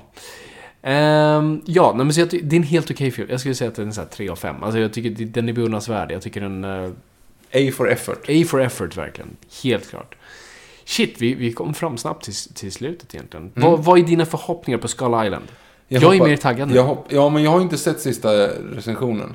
Trailern. Eller sista trailern. Inte jag. Alltså, jag blev, så, jag blev så taggad när jag såg att så här, okej, det kommer en Kong. Först tänkte jag, hmm, ska, de göra, alltså, ska Peter Jackson göra den? Ja, jag tänkte, blir det här uppföljare Ja, typ? att det skulle vara någonting sånt. Och det tänkte jag så här, ja, det känns ju lite sådär. Mm. För det behövs inte. Men sen bara, okej, nej men nu ska vi in och Godzilla ihop det här nu. Nu ska Mm. vi liksom täta ihop det. Ja, men det, jag förstår ändå, jag förstår principen. Jag ser att John Goodman ska vara med, liksom, nu är vi hemma. Eh, ser första trailern och tänker att, ja men det är grymt. Det här kommer bli liksom fantastiskt. Mm. Just den här Proved Monsters Exist-grejen. Alltså, vi är hemma. Det här Mm. kommer bli fantastiskt. Ser andra trailern, halva den är så här, "Nej, alltså nu, nu, nu vet inte jag vad jag ska ta vägen längre. Nu ska jag nä- nästan så här så att jag ska låsa in en källare bara för att undvika spoilers och se till att bara, är det där John C. Reilly?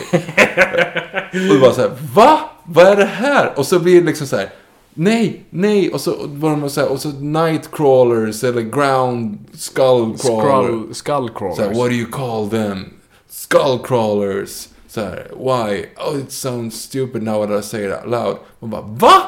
Blev det, blev det Step Brothers helt plötsligt? Ska Kong in och lägga kulorna på, på Samuel L. Jacksons trumset? Alltså det blir så här, vad är det som Hans händer? helikoptrar, det är därför han blev så arg. Ja men precis, och därför han kommer skjuta John Goodman. Eh, och han vill, John Goodman vill bara ha en bild på det för att bevisa att uh, monsters existerar. Nej men alltså, det blir så här, vad håller ni på med? Mm. Och så klipper till, och så det blir så mycket John C. Reilly. Och John C. Reilly, överhuvudtaget bara då, du har stora fucking kaijus du ska slåss mot. Och du klipper in Alltså, du klipper in han den feta från, eh, från Boogie Nights med ett samurajsvärd som ska stå emot dem. Alltså, men nej, nu har ni tappat det. Och det är klart man inte ska ta det så seriöst för att det är en, en kaiju-film. Men du ska inte göra, alltså, det, ah, Nej, jag vet. Eh, Jag hoppas att de bara gjort det i trailern för att försöka vinna över publiken. För att det är det jag inte... Jag hatar när folk på något sätt kolla hur löjligt det här är. Vi vet att det är löjligt. Alltså, för det är ju det de gör med John C. Reilly-karaktären. Kolla, hur, kolla, vi vet att det här är lite töntigt, så nu har vi en töntig karaktär. Jag hoppas att det där är de scenerna som finns och sen blir han uppäten. Och försvinner. Eh, Jag vill inte ha någon mer av honom. Framförallt precis efter han tar upp sitt, sitt samurajsvärd.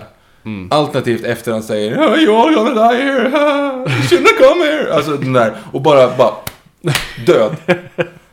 Vi hoppas. Ja. Ehm, nej men jag är taggad nu, särskilt att det du sa, bara att han var tvåbent igen, gjorde mig jätteglad. Bara så här, okej, men nu, de, nu, de är, de vet vad de gör kanske. Eh, jag gillar att det är en ny story, de försöker inte göra, absolut, vi har en blond brud igen, så att det kanske finns någonting där. Men det känns inte som det. Nej, jag hoppas inte det, men det kanske finns där. Ehm, så att jag, jag har ändå förhoppningar. Det jag inte gillar, det jag mest är emot, jag, hat, jag hatar nu nostalgi. Säg inte hata. Förlåt, jag tycker mindre om nostalgiperioden vi är i nu. Att filmer görs i referenser till andra filmer. Vi skapar inget nytt, utan varenda ny film är egentligen bara en sämre version av något som redan gått. Det här ser ju ut som Apocalypse Now. De gjorde ju nu den här IMAX-posten som är egentligen en kopia på Apocalypse Now, liksom, rakt av. Eh, och man spelar liksom Bad Moon Rising, alltså vi ska få känslan av Apocalypse Now och allt det där. Och jag bara, gör något nytt människor. Ta inte någonting som var perfekt och försök applicera det där, på någonting som inte hör hemma. Bara för vi, jag tror det är 70-tal, det ska utspela sig på 70-talet. Ska det? Jag vet inte, det, ser, det är ju Är gammalt. det inte modernt? Jag, jag vet inte. Det är det jag är lite Nej, förvirrad men jag, över. jag, säga, jag, har inte- jag har ju bara sett den trailern en gång dessutom. Mm. För att jag blev så arg. Så att jag har ju inte ens reflekterat, jag har inte tittat på några bilder. Jag tänkte Mm. inte på någonting annat än att, åh John Goodman, jag vill bara gosa ner med det där skägget. Alltså, och, och sen så kom John C. Reilly. Nej, jag vet. Nej, men det enda jag tänker på är Brie Larsons kamera, för den är gammal, men det kanske är, hon är lite retro. Jag vet inte, men hur som helst. Hipsters och så. det här är min surdegsburk. Um, jag vet inte, jag gillar inte när man gör så. Gör någonting nytt. Skapa någonting nytt. Alltså, även trots det är det jag ändå gillar med Peter Jacksons version. Visst, vi hintar tillbaka och han har tagit jättemycket repliker från... Alltså, Nej men han har ju tagit den Men- från King Kong. Han har ju inte tagit från någonting annat. Nej, och, men fortfarande, han gör en modern film. Han använder tekniken som är idag, han berättar eh, sitt filmspråk. Liksom, han gör en modern film. Jag gillar inte nu när vi börjar titta tillbaka på saker och säga vi tar det där bara. Det är så, alltså, då gör vi ju ingenting nytt längre. Och det är, blockbuster kan vara ett sånt fantastiskt medel att göra någonting nytt. Uh, man kan absolut ha en fot i det gamla och leka med och använda eh, arketyper och berättartekniker, men du gör något... Eh, vi, kom, vi ska prata om Logan en annan dag. ja, just det. Men det som, det som, vad tror du om framtiden nu då liksom? Vad tror du om det här? ja, men det här är ju bra. Alltså, det är ju 20 12 år sedan förra King Kong. I vårt huvud är den ganska fräsch. Som är så, ja, men det är, det är en ny film.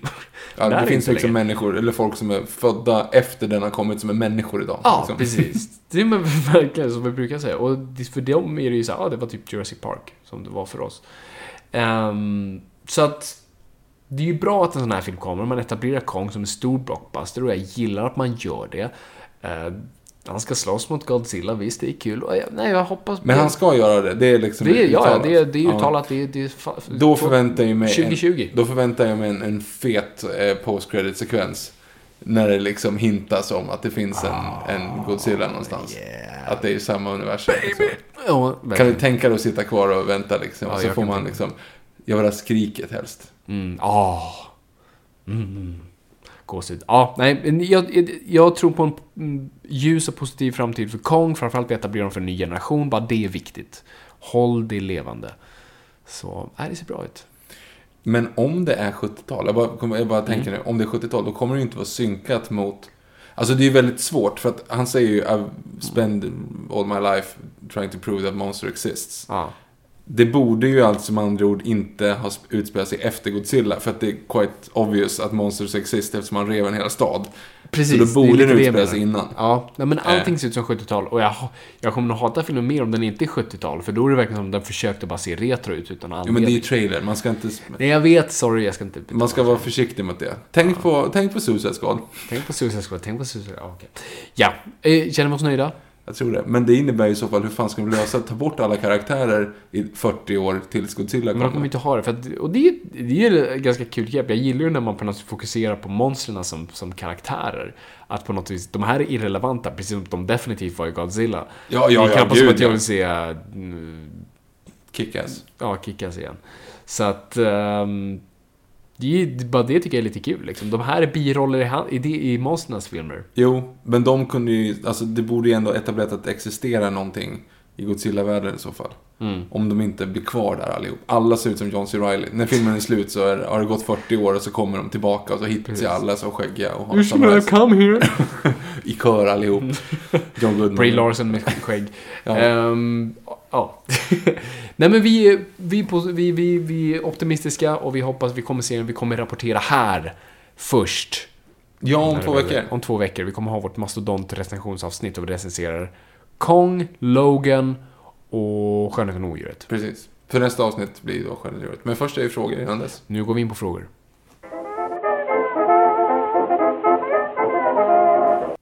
Då är det dags ännu en gång för de frågor ni har skickat in på Twitter eller Instagram. Eller Facebook om någon som har gjort det. Fast det är inte så ofta. Och gör inte det heller, för det är mycket enklare att se på Instagram. Ja, det är om, om ni såklart inte har de andra sociala medierna och kanske vill ställa något mer välformulerat. Så kör där. Men vi börjar. Eh. Kristi undrar... Nej, förlåt. Det är Xmage 2 som frågar först. Hur planerar ni avsnitt 100? Vilket avsnitt är det här? 56, 57. Okej, så 57 tror jag. Det är ett tag kvar alltså. Ja, det tar kvar. Fast nu är det ju ganska brådis. Alltså om man räknar vanliga avsnitt. Ja, nu, när vi, nu kommer vi köra dubbelt så snabbt. Mm. Fast vi, vi räknar ju Elseworlds-avsnitten som avtal, eller som antal. Det är sant. Vi har ju typ nästan gjort 100 om man tittar på... Ja, om man ska räkna så så har vi Mm. nog gjort uppåt sånt. Så det kommer vi nog inte fira. Vi kommer nog bara... Den, den riktiga kontinuiteten kommer Ja, ja, liksom fira. precis. Då vet jag inte vad vi gör. Ja, det är Vi gör en sån här eh, som alla sitcoms gör. Att de så här... clipshow. Remember that time? Ja. You know, we always had a good time. Ja. så. Jag blev faktiskt besviken. Det är så onödigt att göra det. Ja, faktiskt. Man har ju sett dem. Ja, Och det är inte aldrig fast- roligt i kontext. Ja, fast nu fungerar det inte på samma sätt. Alltså, men förstå då när serierna släpptes, då man typ inte hade sett säsong ett på sju år. Mm, alltså, ja, då, just det. Det är klart. då var den där såhär, ah, jag minns det där. Alltså, du vet, då var det en helt annan grej. Nu ser- ser vi, nu i Net- Netflix-åldern, vi binge-watchar saker och så bara, jaha, men jag såg ju precis det där. Mm. Att de äntligen får se The Puffy Shirt igen. Liksom. Ja, Sju år precis. senare. Exakt. Eh, så vi får se vad vi gör på 100. Vi har ju lite tid Mm. Skicka in tips. Skicka in tips, vad vill ni att vi gör? Gör vi en livepodd? Är det det vi gör? Gör vi en livepodd? Jag hoppas vi gör en livepodd innan två år. Ja, Alltså. jo förvisso. Men det kanske är en riktigt stor ändå. Ja. Alla nojpoddar är samlade. Ja, det kanske blir något sånt. Vi kollar. Eh, nu är det, ett Christopher. Eh, nu när detta var Jackmans sista roll som Logan, tror ni ersättaren kommer få ha Wolverines riktiga dräkt? För den är ju grym. Jag hoppas. Det vore ju bra. Men jag vill se Hugh Jackman i en dräkt. Jag hoppas att det finns en bild där ute någonstans. Ja, han, alltså, för en bortklippt scen i The Wolverine Mm. så är det ju att han öppnar en låda som han har fått, eller en present. Och där ligger ju hans eh, alltså, originaldräkt. Precis. Blue Jello Spandex. Så jag hoppas att du men du gjorde en sån här costume fitting på Ja, honom och tog en bild. Och det bara ligger där någonstans. Åh, jag vill se det. Ja, nej, jag hoppas. Jag gillar den där dräkten. Så att... Finn ett sätt att ha i med den. Hur man nu ska få X23 i den. Fast eh, X23 har ju den nu i serietidningen. Och Ja, det men ser hon skitbra är ut. inte så stor. I, alltså, Ja, hon hon behöver inte hans, ja, ja, hon behöver inte ha hans specifika skräddarsydda dräkt, men hon kan ha en version av den. Mm. Eh, Kristoffer fortsätter. Har ni läst bokserien Vargbröder? Spännande fantasy under stenåldern med magi. Skulle vilja se den bokserien på film. Jag har ej läst, vet ej vad det är. Eh, hört talas om, men blandar alltid ihop det med eh, Köttgrottornas folk. Vad fan heter den? Mammutsjägarnas folk. Grottbjörnens folk. Jag tycker Björnbröder. Men... Nej, Grottbjörnens folk. Som var någon sån här semi eh, romance på 80-talet. Som Okej. i stenåldersgrej som jag vet att alla damer hade hemma hos sig när man var små. Ehm, nej, jag har inte läst den. Okej. Eh, Kristoffer ställer sin tredje... You're pushing it Kristoffer. Nu är det många frågor här, men okej. Eh, kommer ni släppa andra världskriget avsnitt inför Dunkirk? Ranka bästa filmerna med World War 2-tema och så vidare. Det är ingen det, dum Det är idé. en bra idé. Det kanske vi gör. Ja, Det kanske vi gör. det är inte dumt. Nej. Men då får jag ta den historiska kontexten ut och filmkontexten. Oh, ja men okej, men nu är det ju... Det skriver ju sig själv där. Ja, precis. Det är klart vi gör det. Hur man nu Tack ska tipset. summera andra världskriget på en halv podcast. Här, Hela händelseförloppet. Ja. Ja. Anton M. M. Karlsson, ett Anton M. Karlsson. Eh, har du någon kontakt med Sebastian från Filmfika? I så fall, vad ägnar han sig åt nu för tiden? Viktor? Nej, det har jag faktiskt inte. Eh, nej, jag, jag har ingen kontakt med, med Sebastian. Eh, Filmfika var en webbshow jag gjorde förut. För ni som inte vet vad det är. Nej, jag har ingen kontakt, så jag vet, jag vet tyvärr inte. I will leave it at that. Ehm, at Iceman Joe.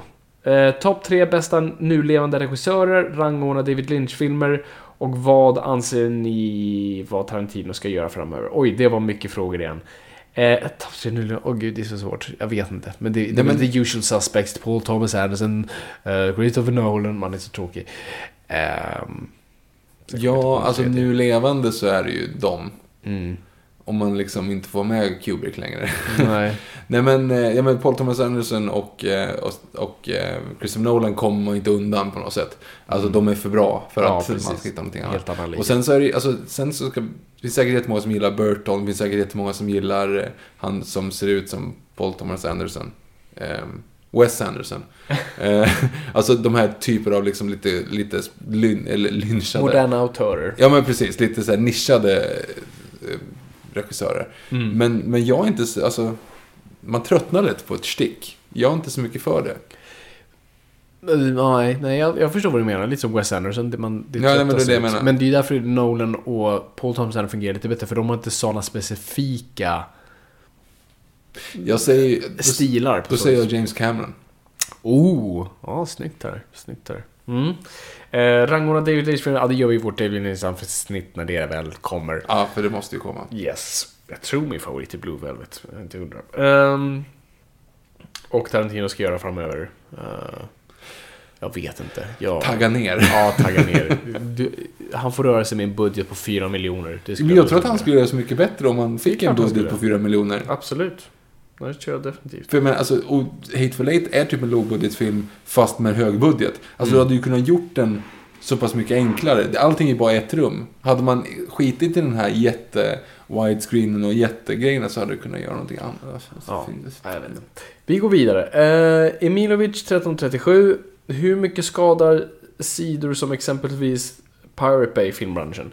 Eh, jag tycker en hel del. Visst, eh, alltså, filmstudierna svälter inte så, men de får panik. Eh, det skadar DVD-branschen. Alltså, det, Det, ska, det dödar DVD-branschen. Ehm, och, det är ju, och det är inte alltid del av stora studios liksom. Det är ju såklart, det skadar. Helt klart. Och det är ju därför nu vi får sådana här dealar. Det är ju nu de stora filmbolagen funderar på sådana här early showings där man kan få streama, du vet, nya filmer som är på bio. Nu liksom. Alltså, jag gillar inte det. Så att köp filmer gott. Alltså, om ni gillar film, om ni ty- liksom älskar det mediet, ge tillbaka det, det ni får ut. Pröjsa för skiten. Och då, och då fungerar Netflix. Ta Netflix då. Alltså för det är det, alltså visst, pa- inget ont som inte har något gott med sig. På grund av Pirate så var man tvungen att hitta en ny lösning. Och det blev Netflix och det blev HBO Nordic och alla de där. Så det, det har ju kommit något gott ur. Men för guds skull, pröjsa för era filmer. Ja. Det är så enkelt. Ja, och sen, alltså de som blir mest lidande, det är ju de som är. För man säger ju så här, ja men vad fan, de tjänar ju så mycket pengar, de har aldrig tjänat så mycket pengar. Mm. Ja, det är ju för att det oftast är de filmerna då som man tänker är bäst på bio. Man går ju och ser superhjältefilmerna på bio för att det är häftigt. Precis. Däremot så... De andra sitter och väntar på, ah, när den kom på Netflix. Ja men precis, för då, Mm. du, går ju, du går ju inte och ser liksom svenska lite mindre filmer. Ja nu är det ju dumt med en man som heter Ove, men i övrigt så har det inte gått speciellt bra för andra Nej, sådana det går filmer. jättedåligt för svensk film. Så att, ja, nej men gå och se, och framförallt de kanske mellanfilmerna, de mindre filmerna, gå och se det på bio, det är trevligt. Så att, ja, ladda inte ner människor. För guds skull. Det är Sen- mitt levebröd också. Och sen köper inte jag argumentet med att man, om att man inte behöver se den på bio. Alltså för film är alltid bäst på bio. Film är alltid bäst på bio, även liksom små grejer. Mm. Alltså, det är klart det är. Eh, Emirovic fortsätter, vad tror ni om Matt Reeves som Batman-regissör? Alltså, jag vet inte, alltså jag är inte, alltså alla tjatar om Matt Reeves som ett jättebra. Vad har han gjort? Planet of the Apes. Som var helt okej. Ja, det, ja, ja, det är Cloverfield? Eh, Jag gillar Cloverfield jättemycket. okej. Jag gillar inte Planet of the Apes, eller Planet of the Apes lika mycket, ska jag säga. Och jag gillar inte eh, Let Me In. Som var hans. Nej, nej, jag... Fan alltså. Det var, det var en riktigt bra recension av Mark Kermode som sa Let the right one in was a coming of age story that happens to have vampires in it. Let Me In is a vampire movie that happens to have a coming of age story in it. Det är jättebra Och det beskrivet. är helt rätt. Ehm, så att jag, alltså, jag gillar dock honom, alltså när man ser honom i intervjuer och sånt där. Jag, han verkar smart och sådär. Så Jag, jag hoppas på det bästa. Jag tycker inte han är en klåpare och han, hans hjärta är på rätt plats. Så att eh, jag hoppas på det bästa. Det är det jag kan säga. Jag hoppas på att han och Affleck kan göra någonting bra ihop. Alltså att de jobbar ihop. Och det är det är liksom Ja, det som är... det är ju det som är lite risk med det här, för det här är ju Afflecks barn.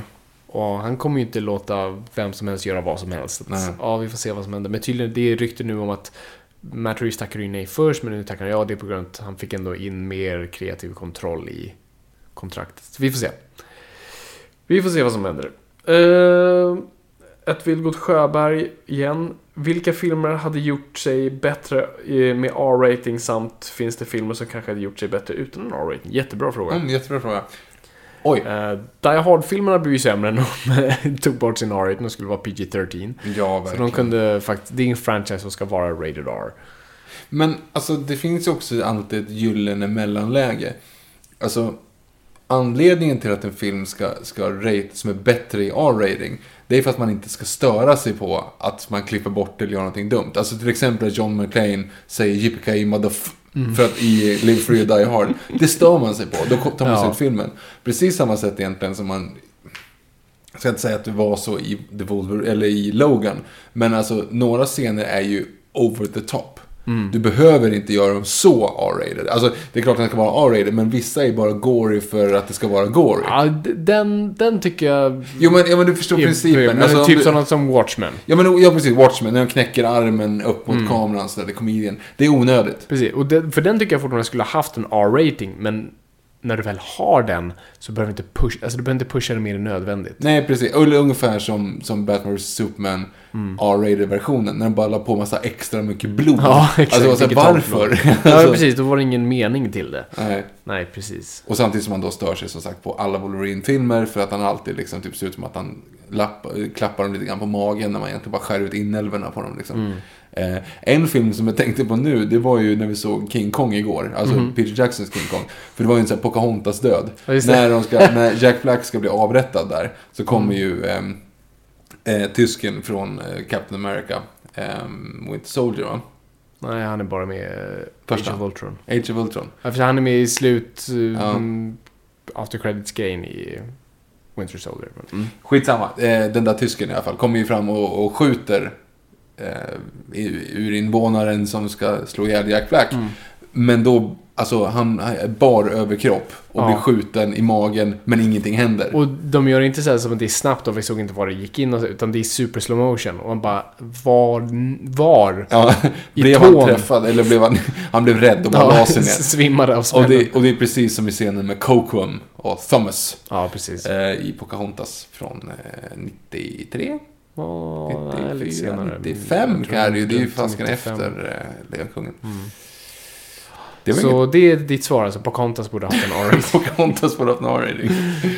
Eh, Nej men alltså så länge det... Jag, jag kommer inte på någonting som är så här rätt ut i huvudet så, men så länge det inte stör åt något håll. Du ska inte ha en R-rating bara för att kunna göra... Alltså du ska inte göra gory bara för att ha en R-rating. Du Utan det ska fylla en funktion. Vet du vilken som inte hade behövt en R-rating? Killing Joke. Bra. Jättebra. Han hade klarat sig helt utan det. Ja, den hade klarat sig jättebra utan det. De hade inte behövt porka på ett hustak. Ja, vi ska Mm. lämna Joke. Eh, vi går vidare. Att vi Skovlund. Har ni sett tv-serien Black Mirror? Vad tyckte ni om den i så fall? Hur ser ni på sådana serier som Concept, Twilight Zone med mera? Jag har sett första avsnittet av Black Mirror och blev så här, oh, det där måste jag se. Och eh, jag älskar konceptet av en anthology series. Och... Eh, ja, Jag vet inte vad det är för någonting. ja, men det är alltså... Jag har inte sett den. Alltså, nu tänker åh gud, nu tänkte jag på Cecilia Fors, alltså Black Widows, på Aha, trean. nej, det är något helt Black annat. Mirror Men alltså berättar en story per avsnitt och de har ingenting med varandra att göra. Det är som en Mm. kortfilm varje Mm. gång. Men ändå det är tema som håller alltihop. Eh, jag älskar det konceptet, för jag älskar Alfred Hitchcock Presents och Twilight Zone är ascoolt och nu Black Mirror. Eh, jag håller faktiskt själv på att jobba på en... Jag kan inte säga någonting. Eh, Mhm. så, så jag är väldigt mycket in... Jag håller på att kolla mycket på sådana här grejer just nu. Och jag ska just ge mig in i, i Black Mirror mer. Så att, eh, jag, tycker, jag älskar det konceptet. Och eh, särskilt nu i det här, i det formatet vi lever i nu, alltså med Netflix-formatet, så, så är det bättre än någonsin. Det är som bäst anpassat för det. Så, eh, mm. Mm. I love it. Jag tror inte jag har sett någon anthology-serie ens. Nej, jag tror inte heller du har gjort det. Nej. Jag bara tänker på vad Ehm, At Blue Fredo. Har ni sett tv slash filmversionen av Dune? Tror ni Villeneuve lyckas bättre än Lynch? Jag har faktiskt inte sett Dune, ska jag vara ärlig och säga. Jag, vet inte vad- jag vet inte ens vad Dune är. Dune. Dune, jaha! Alltså, nu, okej, nej, nej, det har jag inte gjort. Nej, Tyvärr. inte sett Sting med de där konstiga bevingade kalsongerna. Tyvärr. Nej. Det ska vi göra inför David Lynch-avsnittet när det gäller väl Det lär ju bli ganska, det lär ju bli ganska snart, för snart kommer Twin Peaks tillbaka. Ja, Du har inte sett Twin Peaks? nej, jag har inte sett Twin Peaks. Du måste se Twin Peaks. Jag måste se Twin Peaks. Yes. Och Exorcisten. Och Exorcisten. Det var en Mm, ny det film jag kom på igår också som du inte hade sett. Det var Three Ten to Yuma vi pratade om. Vi Just det. pratade om uh, Mangold. Just det. Och eh, Kong Skull Island borde jag också se. Yes. Men Fast- det är ja, förståeligt ja. att du inte har. Nej, ja, tack. Så Mm. att du inte var på mig för den. Nu går vi till Instagram. Nu går vi på Instagram. Ska se. Whoopidoopidoop. Ja, du vill bli en hjälte du. Ja, whoopidoo. Jag har hört det många gånger. Som som, som du. Han gjorde mig så grymt besviken. Pow. Nu kan den där taktiken. Men du får ursäkta. Sevson verkar äkta. Här står han nu och ber just mig. Mitt svar det blir två ord. Okej, okej, där har vi den. Instagram. Juanito1. Lyssnade igenom ett semesteravsnitt och skrattade högt när ni kommenterade Sunes sommar. Snälla gör en DVD-kommentar på den. kommer vara fantastiskt roligt att höra den. Och nu till frågan. Hur fick, du ditt, hur fick du ditt manuskontrakt? Ansökte du eller tog någon kontakt med dig eller fick du gå på audition eller liknande? Ni fyller torsdagarna. Tack. Eh, ingen audition eller sånt. Alltså, jag jobbade mig upp från botten. Alltså, jag började lägst ner på näringskedjan. Och såg till att förhoppningsvis vara behövd. Alltså det var inget, det var inget test, det var inget... Utan man, man bygger relationer, man, man förhoppningsvis gör ett bra jobb som... Det är, lite så här klassiskt vad filmbranschen är. Du vet, börja med att bära sladdar och sen så förhoppningsvis... Älskar uttrycket bära sladdar. Ja, ja verkligen. Så det, det var mer det. Alltså man, man kan inte riktigt... Det, det är sällan, jag vet att, jag för mig att um, Solsidan gjorde det där.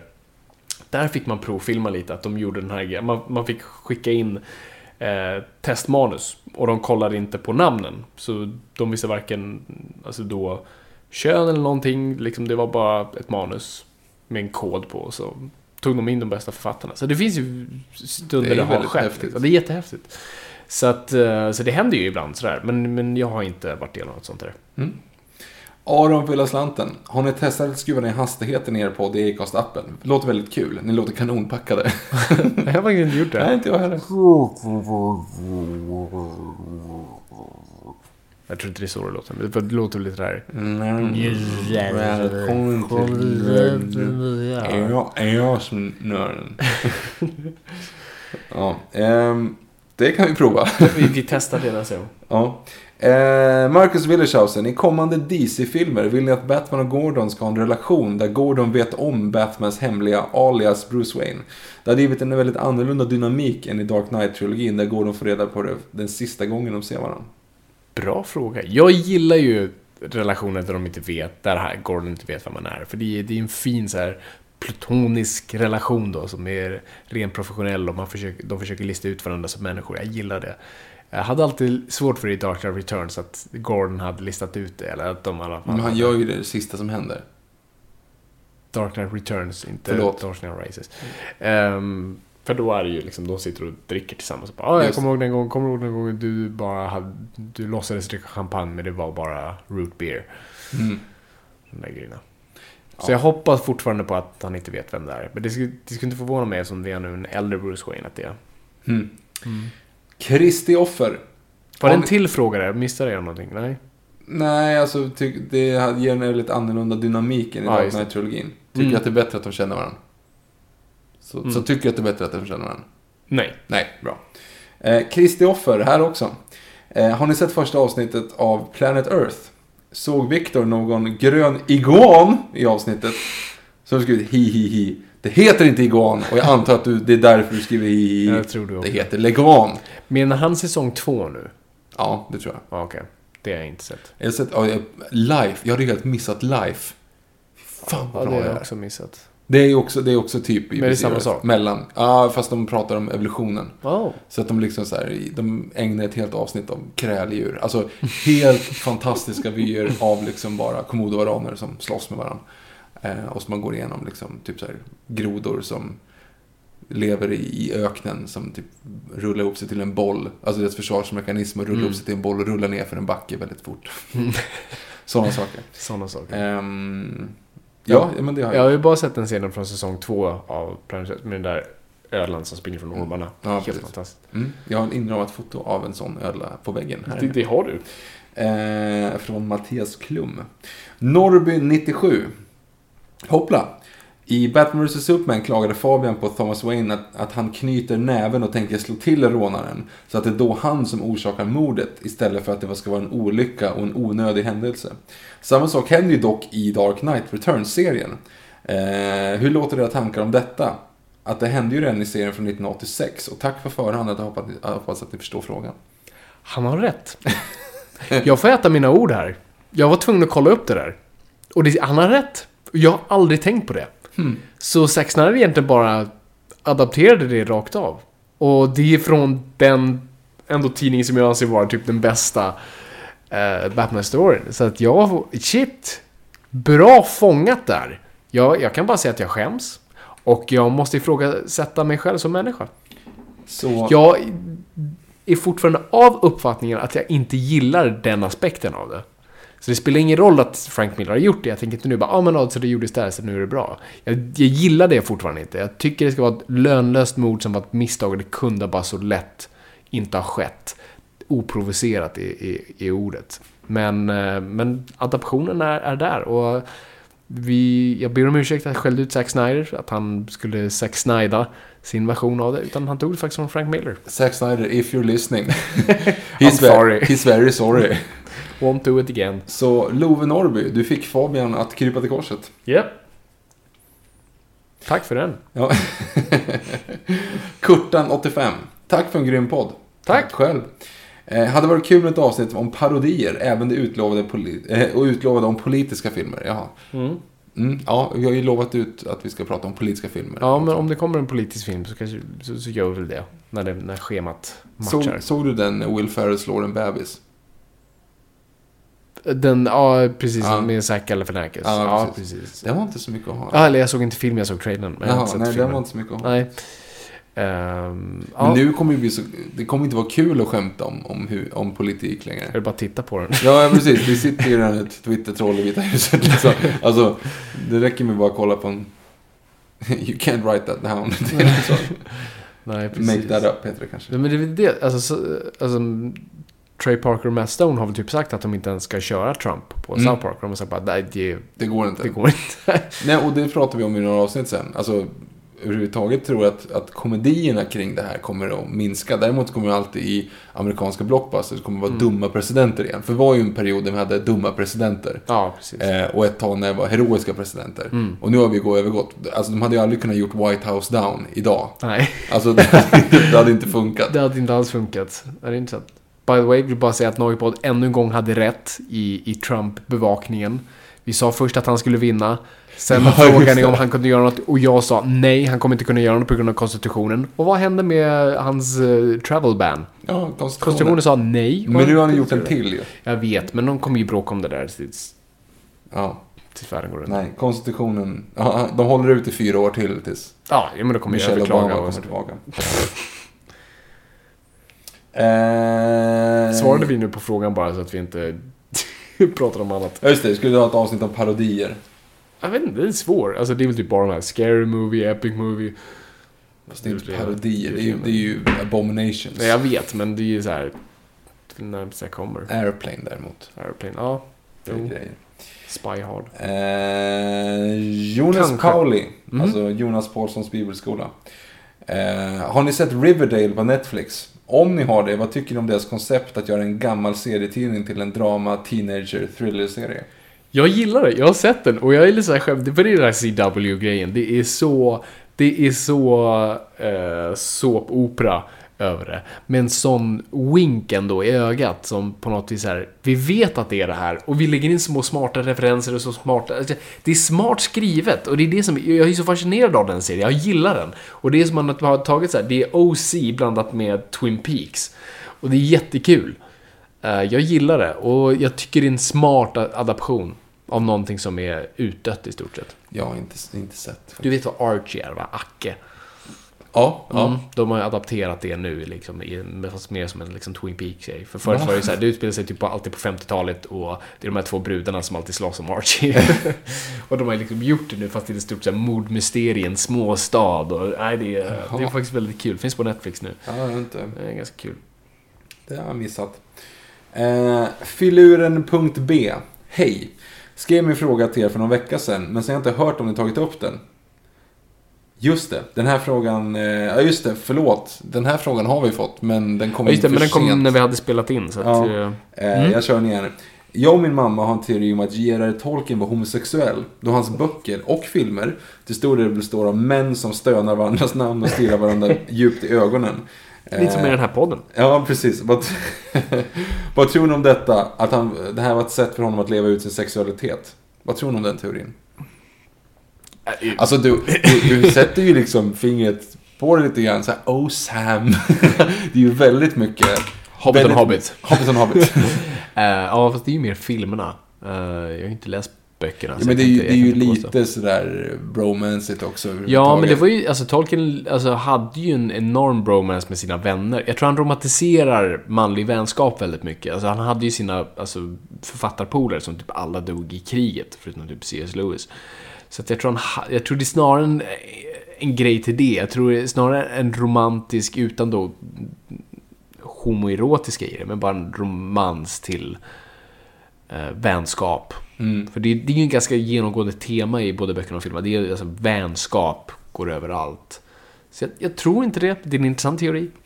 Ja, när jag kollar man på filmerna så, så förstår jag vad du menar. Alltså Elijah Wood och Sean Austins relation på slutet där är ju, är ju väldigt intimt. Liksom. Det är mycket kramas Ja, om. När de är är trötta och svettiga. det är och mysigt. här. Ja, det är perfekt. Hobbit on Hobbit. Hobbit med Hobbit. Även Legolas och Gimli förvisso. Ja. Eh, Falconator 81. Gillade verkligen förra, förra Elseworlds-avsnittet. Gav en möjlig blick om hur det skulle kunna se ut i ett parallellt universum. Där nörden och jag handlar om hur Viktor lär Fabian om husdjurs, husdjursrelaterade saker han tycker om men inte vet så mycket om. Är det, helt rätt. Det är, där, det är så Elseworlds-avsnitten ska fungera. ja, precis. Eh, en fråga angående Batman. Eh, finns det någon annan än Bruce Wayne som antagit Batman-personan? Som till exempel Miles Morales antagit Spider-Man? Tack för en grym podd. Tack själv. Jo men absolut, det, det har ju funnits en, en hel del. Det kanske mest så här ihågkomna är väl då Azrael Batman, alltså Jean Paul Valley. Som vi nämnde i Nightfall-storyn. Eh, och sen har du ju, senast var ju Dick Grayson Batman. Nej, ja just det, för nej, inte senast, näst senast. För du hade Dick Grayson var Batman, när Batman var citattecken död. Ehm, så Dick Grayson var Batman, det var en väldigt bra story för Batman blev då en lite lättare figur, vilket var kul. Men nu senast var Gordon Batman, vilket jag vet att du fnös om. Ja. Men det, det fungerade på ett sätt. Varför? Eh, Va? Hur kan du, hur, var, han kan väl ingenting? Nej, Han han, var hade ju en stor robotdräkt då. Han var ju liksom inte... Jo, men har, du, Batman, har du sett hur han ser ut i Burtons universum? Ja, nej. Han brukar kliva in i latex. En lång scen, han ligger på golvet Ja, bara ja. så här. Så här och bara drar, bara drar i byxorna så här. Precis. N- Nämner dina föräldrar det att på 70-talet var man tvungen att ligga på sängen och knäppa åt byxorna? Mina föräldrar var inte så gamla på 70-talet. Nej, det är sant. Dina är lite yngre än mina. Ja. Okej, mina föräldrar. Det var tydligen väldigt tajta byxor på 70-talet. ja. Nej, det, det, det Jag har hört det däremot. Mm. Ehm, inte komikers uppväxt, men komikers uppväxt. Det var inte den jag läste om, det var någon annan jag läste. Skitsamma. Eh, Mullvadens CEO, Fabian. Yes. När du läste att det blev att bli manusförfattare, fanns det då en uppgift där du skulle få ett slarvigt skrivet manus och rätta till det? Nej, inte vad jag minns. Nej, jag tror inte det. Eh, dock har jag jobbat med att, att läsa slarviga manus. Inte rätta dem, men i alla fall då kommentera det. Eh, när jag jobbade med det förut. Det Man är, väl ganska, man är väl ganska försiktig med att rätta till manus Du rättar, ja, men det, mitt jobb var att rätta till manus nummer ett. Det, det, Nej, nej, men överhuvudtaget i filmbranschen. Alltså, Mm. så fort du rör, rör, rör någonting, skriver om ett ord, så måste du väl typ ha en credit by om du inte... Jag vet inte hur det fungerar i. Sverige. Det är lite bestriktare i USA. Och sen finns det det här, jag vet i teatervärlden så får man absolut inte rubba manus. Eh, Jag tror det är 10, under 10% får buffa omkring i, i manus. Sp- spelar ingen roll vem som har skrivit det. Eh, I filmer är det annorlunda, men absolut, du, du går inte bara in och skriver om någons manus utan liksom att det är någon, någon snack om den saken. Men så nej, nej så mitt jobb har mest varit bara att läsa ett manus, är det dåligt så skriver jag en rapport om det. Och säger vad som behövs Det ändras. vore ju ganska kul som utbildning annars, bara få liksom... Ja, du får Revenge of the Fallen och du ska få det utvecklas till Citizen Kane. Mm. Men det- är, det är en jättebra, det är, jag rekommenderar det. Här, om, ni, om ni har ett sätt att få tag på manus och vet ett dåligt manus, läs det manuset. Kolla och försök att lista ut varför det var dåligt. Alltså det, det, jag tycker det är en jättebra skola att läsa dåliga manus. Jag tycker det är jättekul. För att det, det, jag måste, då, man måste tänka på en helt annan nivå. Varför fungerar inte det där? Varför är det där dåligt? Så gör det, det är ett tips. Är du en aspirerande manusförfattare, läs vad du tror är ett dåligt manus i alla fall. Och sen skriv en bokrapport. Skriv då så här, okej, varför fungerar inte det här? Okej, så okej, okay, karaktären fungerar inte på grund av... Okej, då måste du lista ut varför fungerar inte karaktären. Jo, men det är för att vi inte etablerar eh, målet tidigt. Ja, ja, ja, ja. Så att eh, det är ett tips. Försök att lista ut vad det är som inte fungerar. Det är en bra skola. Tack. Varsågod. Eh, Mullvadens CEO, igen. Har ni hört talas om produktionsbolaget Annapurna Pictures? Annapurna Pictures. Som är grundat av Megan Ellison som är dotter till Sil- Silicon Valley-miljardären Larry Ellison. Och vad tycker ni om Ghost Rider-filmen med Nicolas Cage? Eh, Jag har hört om Annapurna, eh, tycker de gör oftast rätt bra grejer. De har klivit fram de senaste fem åren som gör väldigt mycket av de här alltså coola independent-rullar. Jag känner inte igen det alls. Nej, det- du, du känner nog igen loggan när du ser det. Jag tror de var med och gjorde... Um, Åh, Jesus. Vadå, Passion of Christ? Arrival. Jaha. Mm. Um, så, ja. Jesus. Nej, så att... eh, Nej, jag tycker de är balla. Och sen, vad var... Vad, Ghost Rider. Ghost Rider. Oj, shit. Inte sett på... Nej, Jag har inte sett det på jättelänge heller. Nej, men det var jag inte tyckte bra. inte alls att det var bra. Nej. Eh, De, de kunde varit R-rated. Mm. Just, jag kommer ihåg scenen när, eh, åh gud, han i skägget. Eh, Skägget? ja, när, de, när han träffar den här gamla Ghost Ridern som har en häst. Och de rider ut en sista gång. Han kan bara, han kan bara bli Ghost Rider en enda sista gång så här. Så man tror att okej, nu ska vi värsta fighten mot skurkarna med två Ghost Rider. Men det slutar med att de bara åker längs en motorväg och sen sen, åh, det var skönt. Och så för, slutar han att bli Ghost Rider och rider hem. The dude bites. Ja, det var lite sådär. Ehm, ja. William Skovlund till Viktor. Okej, ja. Det var nog till mig. Eh, hur ser du på Wengers framtida Arsenal? Är det rätt att demonstrera mot Wenger som så många Arsenal-supportrar gör i nuläget? Som Arsenal-supporter har jag nu länge stått bakom Wenger och inte varit Wenger, Wenger out. Fast nu har det bara gått så pass långt att jag börjar förstå alla som vill att han ska avgå. Och en sista fråga. Var du rättad av Wenger att peka, peta Alexis som startelvan efter hans utbrott på träningen? Eh, Wenger, för, för dig som inte vet då Fabian, är ju en, en fotbollstränare som har varit i Arsenal i nästan 20 år. Okej. Och nu har ju han, eh, han har inte varit så bra sista typ 15 åren så han mer eller mindre alltid kommit fyra.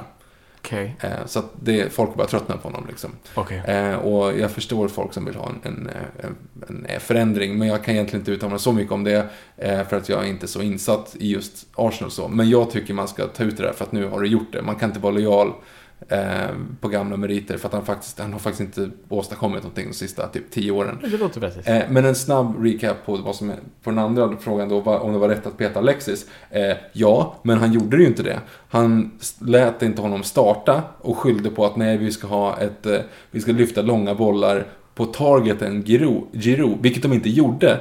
Och så bytte de in honom i halvtid. Så att dels han gick inte ut och sa att han var petad.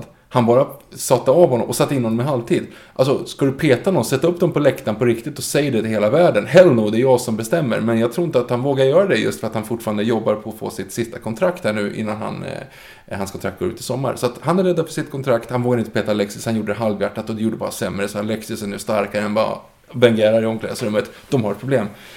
Nästa fråga. Jag tror dig. Eh, David da. Varför är det oftast två skurkar i Batman-filmerna? Jokern och Two-Face, Iceman och Poison Ivy, Riddler Iceman. och Jokern. Ja, Iceman. Och sen sa han Riddler och Jokern. Jag antar att han menar Riddler och Two-Face. Men han har ju rätt för att det är Two-Face är ju typ Jokern i den. Ja, jo faktiskt. Han är inte helt fel ute. Ja, jag vet. Alltså, det jag tror det är för att alltså, Batman har alltid haft så bra skurkar, så man vill få in... Och sen har det ju alltid varit så en uppföljare ska ha två stycken, för då blir det coolare. Mm, men även de första filmerna har ju typ haft det. Nej, inte Jokern i första Mm, Batman. till 89. Men eh, Batman Begins har två. Batman Begins har två.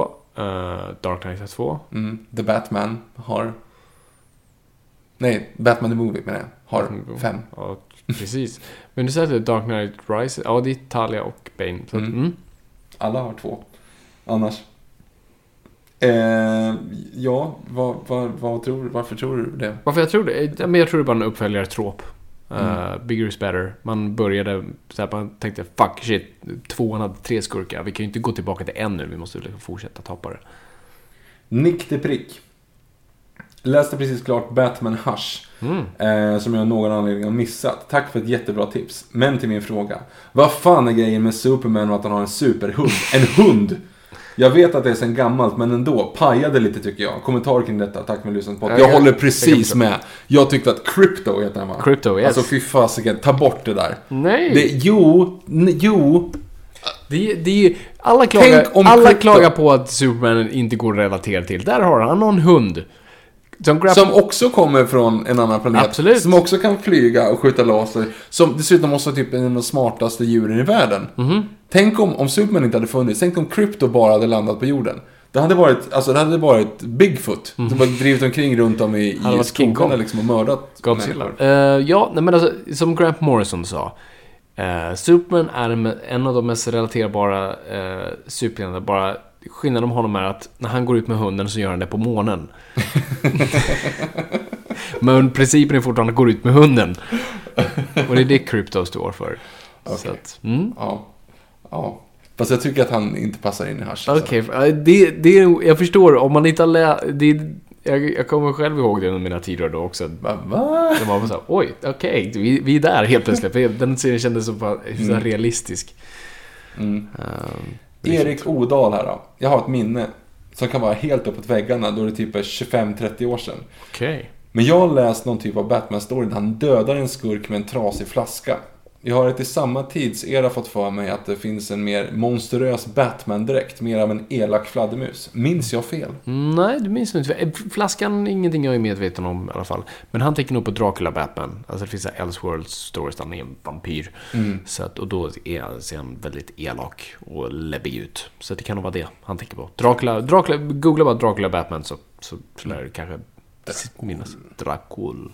Mm. Sista frågan. Oh, Åh, det här är en, det här är en, en thinker. slutar vi på topp. Perfekt. Andreas Haf. Topp tre Seinfeld-avsnitt. Alltså, the, contest. The Contest där, är bäst. Det, det är liksom, den är, den är lätt. Den är helt klart Soup Nazi. Ja, är det en av de bästa? Jag gillar The Ja. Limo också. Uh, vilken är The Limo? När de chansar, Ja, det kommer en limousin och han bara säger att han är det. Och sen så kommer pratar med till värsta vi, vit makt nazistmötet. Den är skitbra. Jag gillar när uh, Jerry och Lane åker till Florida. Eh, Ja, med, med sängen. med sängen Ja. och Stella och Ja. Space Pen och... Ah! Ja, Just det. Och sen... eh, Take the pen, take the pen, I don't want the pen, Du, du gjorde en bra Seinfeld. come on! Eh, jag gillar också...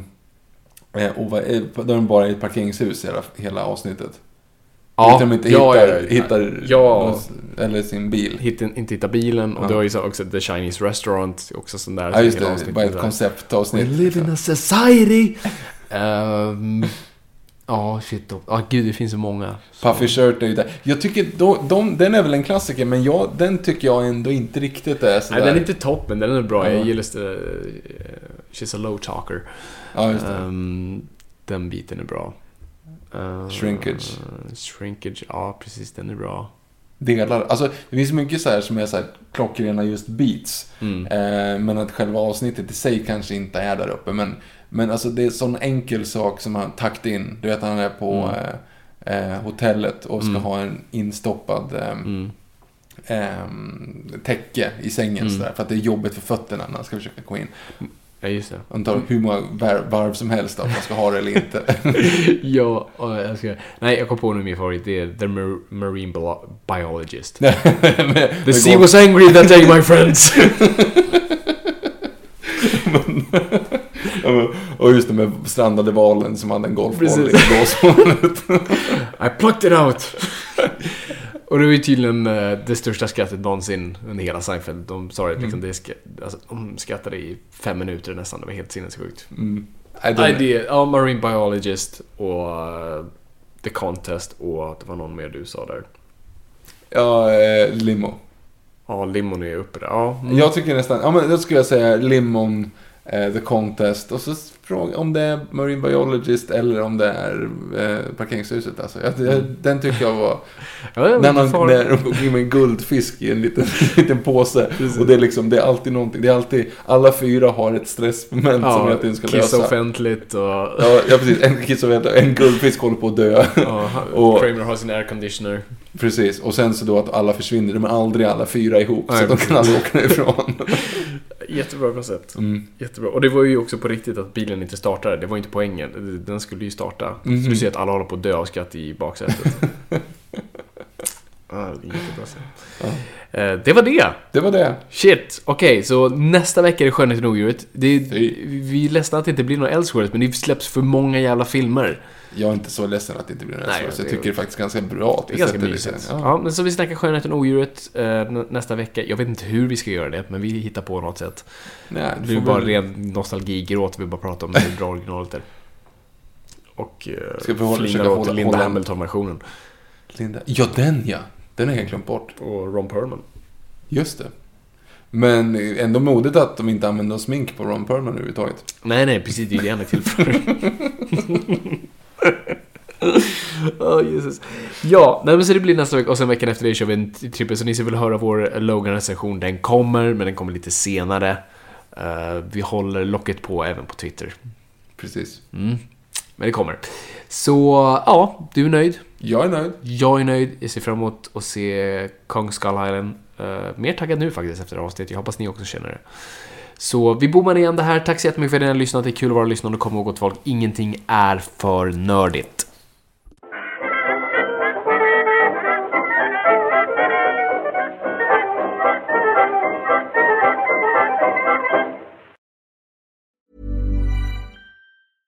Hey, it's Paige DeSorbo from Giggly Squad. High quality fashion without the price tag. Say hello to Quince.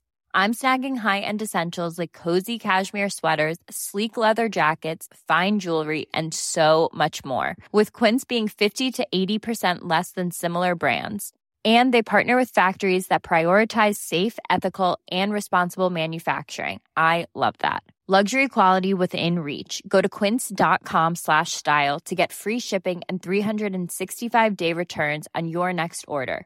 Quince.com slash style. Even when we're on a budget, we still deserve nice things. Quince is a place to scoop up stunning high-end goods for 50 to 80% less than similar brands. They have buttery soft cashmere sweaters starting at $50, luxurious Italian leather bags, and so much more. Plus, Quince only works with factories that use safe, ethical, and responsible manufacturing. Get the high-end goods you'll love without the high price tag with Quince. Go to quince.com slash style for free shipping and 365-day returns.